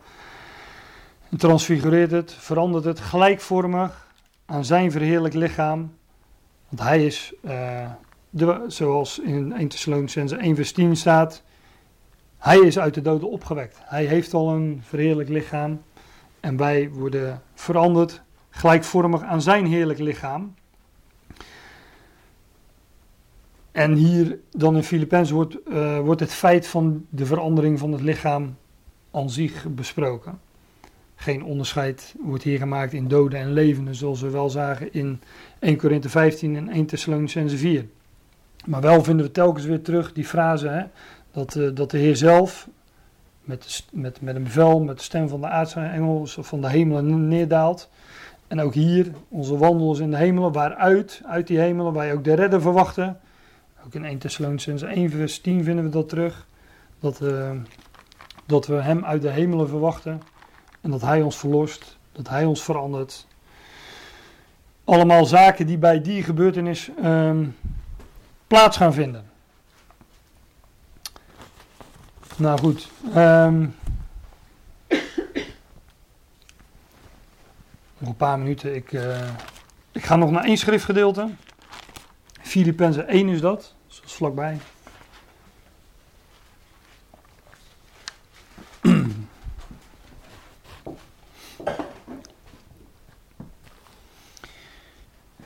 In Filippenzen, we hebben in Thessalonicense de term de dag des Heren gezien. Uh, in, in, in 1 Thessalonicense 4, 5 kwamen we die tegen, 1 Thessalonicense 5 en 2 Thessalonicense 2. Hier in Filippenzen heeft Paulus het in vers 6 over de dag van Jezus Christus. Het goede werk hè, dat uh, God in, uh, in die Filippenzen begonnen was. Paulus vertrouwt erop dat hij dat zal voleindigen tot op de dag van Jezus Christus. Of moet ik zeggen, tot op de dag dat wij verschijnen voor, wat 2 Korinthe 5 vers 10 noemt, de rechterstoel van Christus. Dus de dag van Jezus Christus in vers 6, maar in vers uh, 10 wordt dat de dag van Christus genoemd. De dag, dat is dag waarna wij uitzien, de dag dat, dat we bij Hem aanwezig zullen zijn, of moet ik zeggen, alzo zullen wij altijd samen met de Heer wezen. Uit 1 Thessalonicense 4. Die dag. Um, Paulus vertrouwde erop, dat zegt hij in vers 20, um, helemaal achter in het vers. Hij vertrouwde erop dat Christus zal groot gemaakt worden in mijn lichaam, het zij door het leven, het zij door de dood. Paulus schrijft dit vanuit gevangenschap. Hij zat natuurlijk in een onzekere situatie. Wat ging er gebeuren? Zou hij geëxecuteerd worden? Nou, we zagen ook in 2 Korinthe 5 al dat hij altijd met uh, de doding van de Heer Jezus uh, in zijn lichaam omdroeg. Zoals hij dat daar uitdrukt. En hier zegt hij van, nou ja, hoe dan ook. Ik weet in ieder geval dat Christus zal groot gemaakt worden in mijn lichaam. Het zij door leven, het zij door dood. Want het leven is mij Christus. En het sterven is gewin, is winst. Dat sterven was voor Paulus zelf natuurlijk geen winst, maar waar hij het over heeft is de zaak van Christus. En wat hij dus eigenlijk zegt, zegt als ik, uh, het leven is mij Christus, het sterven is winst. Wat hij eigenlijk zegt is dat, uh, dat zijn sterven winst zou opleveren voor de zaak van Christus. Hij de marteldood zou sterven, zou dat alleen maar bijdragen ook aan die zaak van Christus. Dan het volgende vers. pak ik even de MBG bij, want dat heeft de Statenvertaling heel slecht vertaald.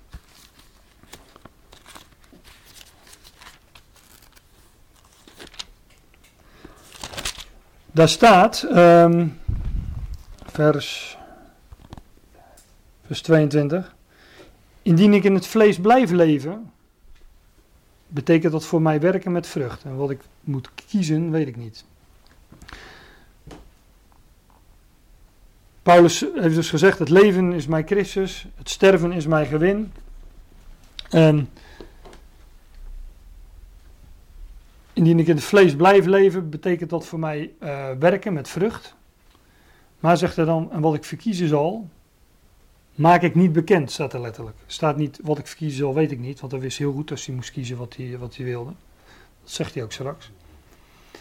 Hij zegt, wat ik verkiezen zal, maak ik niet bekend. Um, er waren dus twee opties: leven of sterven. en dan zegt hij ook, want in vers 23, want ik word van deze twee gedrongen. En dan zet ik even een punt. Uh, sommige vertalingen hebben ook die punt. Um, wat hij dus zegt is dat deze twee, ik word van deze twee gedrongen, ik word van deze twee samengedrukt. Dit zijn de twee opties het leven is mij Christus, sterven is winst. En wat hij in vers 20 aangaf, Christus wordt sowieso groot gemaakt, het zij door leven, het zij door de dood. En dan zegt hij, ik word van deze twee gedrongen, zegt hij in vers 23. die oefenen druk op me uit. Is wel leuk, want in het Nederlands kan je ook zeggen, ja, die trekken aan me. Dat is eigenlijk precies het tegenovergestelde. Maar die, die, die twee opties, die trokken aan hem, die, die oefenden druk op hem uit. Um, en dan zegt hij vervolgens, in vers 23, hebbende, of ik heb begeerte, om ontbonden te worden en met Christus te zijn, want dat is zeer verder het beste. Nu zeggen vrijwel alle commentaren dat Paulus het hier heeft over sterven. Dat dat de beste optie is. Maar dat is niet zo. Hij noemt hier gewoon een derde optie. Naast leven en naast sterven. En dat de, de derde optie die hij noemt en waarvan hij zegt dat is zeer ver het beste ja, is onbonden te worden en met Christus te zijn. Onbonden, letterlijk staat er losgemaakt te worden. Het Griekse woord, wel leuk als je naar, die, uh, naar de opbouw van die Griekse woorden gaat kijken. Het Griekse woord is analusai. En anna, anna is opwaarts. En lusai is van losmaken. Opwaarts losmaken. Is de letterlijke uh, ja, ontleding of opbouw van het woordje. Het is wel leuk dat in mijn studiebijbel, ik heb zo'n mooie uh, reeks studiebijbels met, uh, met commentaren staat er ook bij. Waar je vaak niets aan hebt en soms, soms ook wel. Um, daar staat dat het losmaken in, hier in Filippenzen 1, dat is het losmaken van de touwen van een tent. Daar wordt het mee vergeleken. Hè? En wat lazen in 2 Korinthe 5, ons aardse huis, deze tent, die, uh, ja, die, willen, die wilde Paulus graag uh, inwisselen. En als hij afgebroken is, hij wilde overkleed worden. En hij, wilde, en hij wist dat hij die aardse tent zou afleggen en overkleed zou worden. En wat hier gebruikt wordt, dat is, een, is het woordje analusai. Um, de studiebijbel zegt, dat is in Filippenzen 1 het losmaken van de touwen van een tent. En, um, dat, woord, dat woord staat namelijk in, in 2 Korinthe 5, vers 1, alleen net iets anders. In 2 Korinthe 5, vers 1 staat het woordje dat deze tent afgebroken wordt. Hè? Want wij weten dat zoals aardse huis, deze tabernakel, deze tent, wanneer die afgebroken wordt, wanneer die losgemaakt wordt, dan hebben wij een gebouw uit God. En um, dat woordje dat in 2 Korinthe 5 vers 1 vertaald is met gebroken of afgebroken, is niet analusai, maar katalusai. En katalusai, misschien kent u het woord uh, kataballo van nederwerping, de nederwerping der wereld, is neerwaarts losmaken. In 2 Korinthe 5 vers 1 gaat het over het afleggen, het afgebroken worden van onze aardse tent, neerwaarts losmaken. Als je dat heel uh, letterlijk voorstelt, ja, dan is het neer, neer, zoals een tent inderdaad losgemaakt wordt. Die wordt afgebroken en onze tent, als wij sterven, wordt ook afgebroken. Neerwaarts losmaken. Maar in Filippenzen 1 heeft hij het over opwaarts losmaken. Letterlijk. Is net een ander woordje met net een ander voorzetsel ervoor. 2 Korinthe 5, vers 1, gaat over sterven. En Filippenzen 1, vers 23. Ik heb begeerd om onbonden, om losgemaakt te worden, om opwaarts losgemaakt te worden, zo u wilt. Ik heb begeerd om losgemaakt te worden en met Christus te zijn. Want dat is zeer ver het beste, zegt hij. Nou, dat en met Christus te zijn, als wij sterven, dan, uh, we zijn van Christus, maar als we sterven, dan, dan zijn we dood. Dan uh, zijn wij nog niet met Christus. Maar als wij veranderd worden, of de Heer tegemoet gaan in de lucht, sta, staat in 1 Thessalonians 4, dan zullen wij altijd samen met de Heer wezen. Nou, dat wilde Paulus. Hij had begeerte om losgemaakt te worden, om ontbonden te worden en om samen met Christus te zijn. Want, zegt hij, dat is zeer ver het beste. Ja, alzo zullen wij altijd samen met de Heer zijn, zullen delen in zijn positie. Nou, zegt hij dan in, uh, in, uh, uh, in vers 24: In het vlees blijven is nodig om u het wil. Paulus wist dat hij nog wel wat had te doen onder, onder die Filippenzen. Ik heb overigens voor mijn eigen gemak in, de, in mijn Bijbel die zin uit vers 23 tussen haakjes gezet. En als, je, als ik hem even lees, zoals het er. Uh, zoals er staat vanaf vers 21, en ik sla die, uh, sla die zin over, dan staat er: Want het leven is mijn Christus, het sterven is gewin. Dan volgens MBG: Indien ik in het vlees blijf leven, betekent dat voor mij werken met vrucht. En wat ik verkiezen zal, maak ik niet bekend, want ik word van deze twee gedrongen. Maar in het vlees blijven is nodiger om u het wil. Dan zegt hij, ja, als je die zin overslaat, dan spreekt hij over de twee opties. En de derde optie, die zeer ver het beste is, die benoemt hij tussendoor. Hij heeft namelijk begeerte, het verlangen om ontbonden te worden, om losgemaakt te worden en met Christus te zijn. Want dat is zeer ver het beste. Nou, ik denk dat we daar uh, allemaal naar uh, uitkijken, naar die mogelijkheid. En um, nou ja, we kunnen één ding zeggen, die dag komt elke dag uh, een beetje dichterbij. En ja, dat was een onderwerp wat ik graag eens op een rijtje wilde zetten en, en hier wilde bespreken. Daar wou ik het dan ook maar bij laten.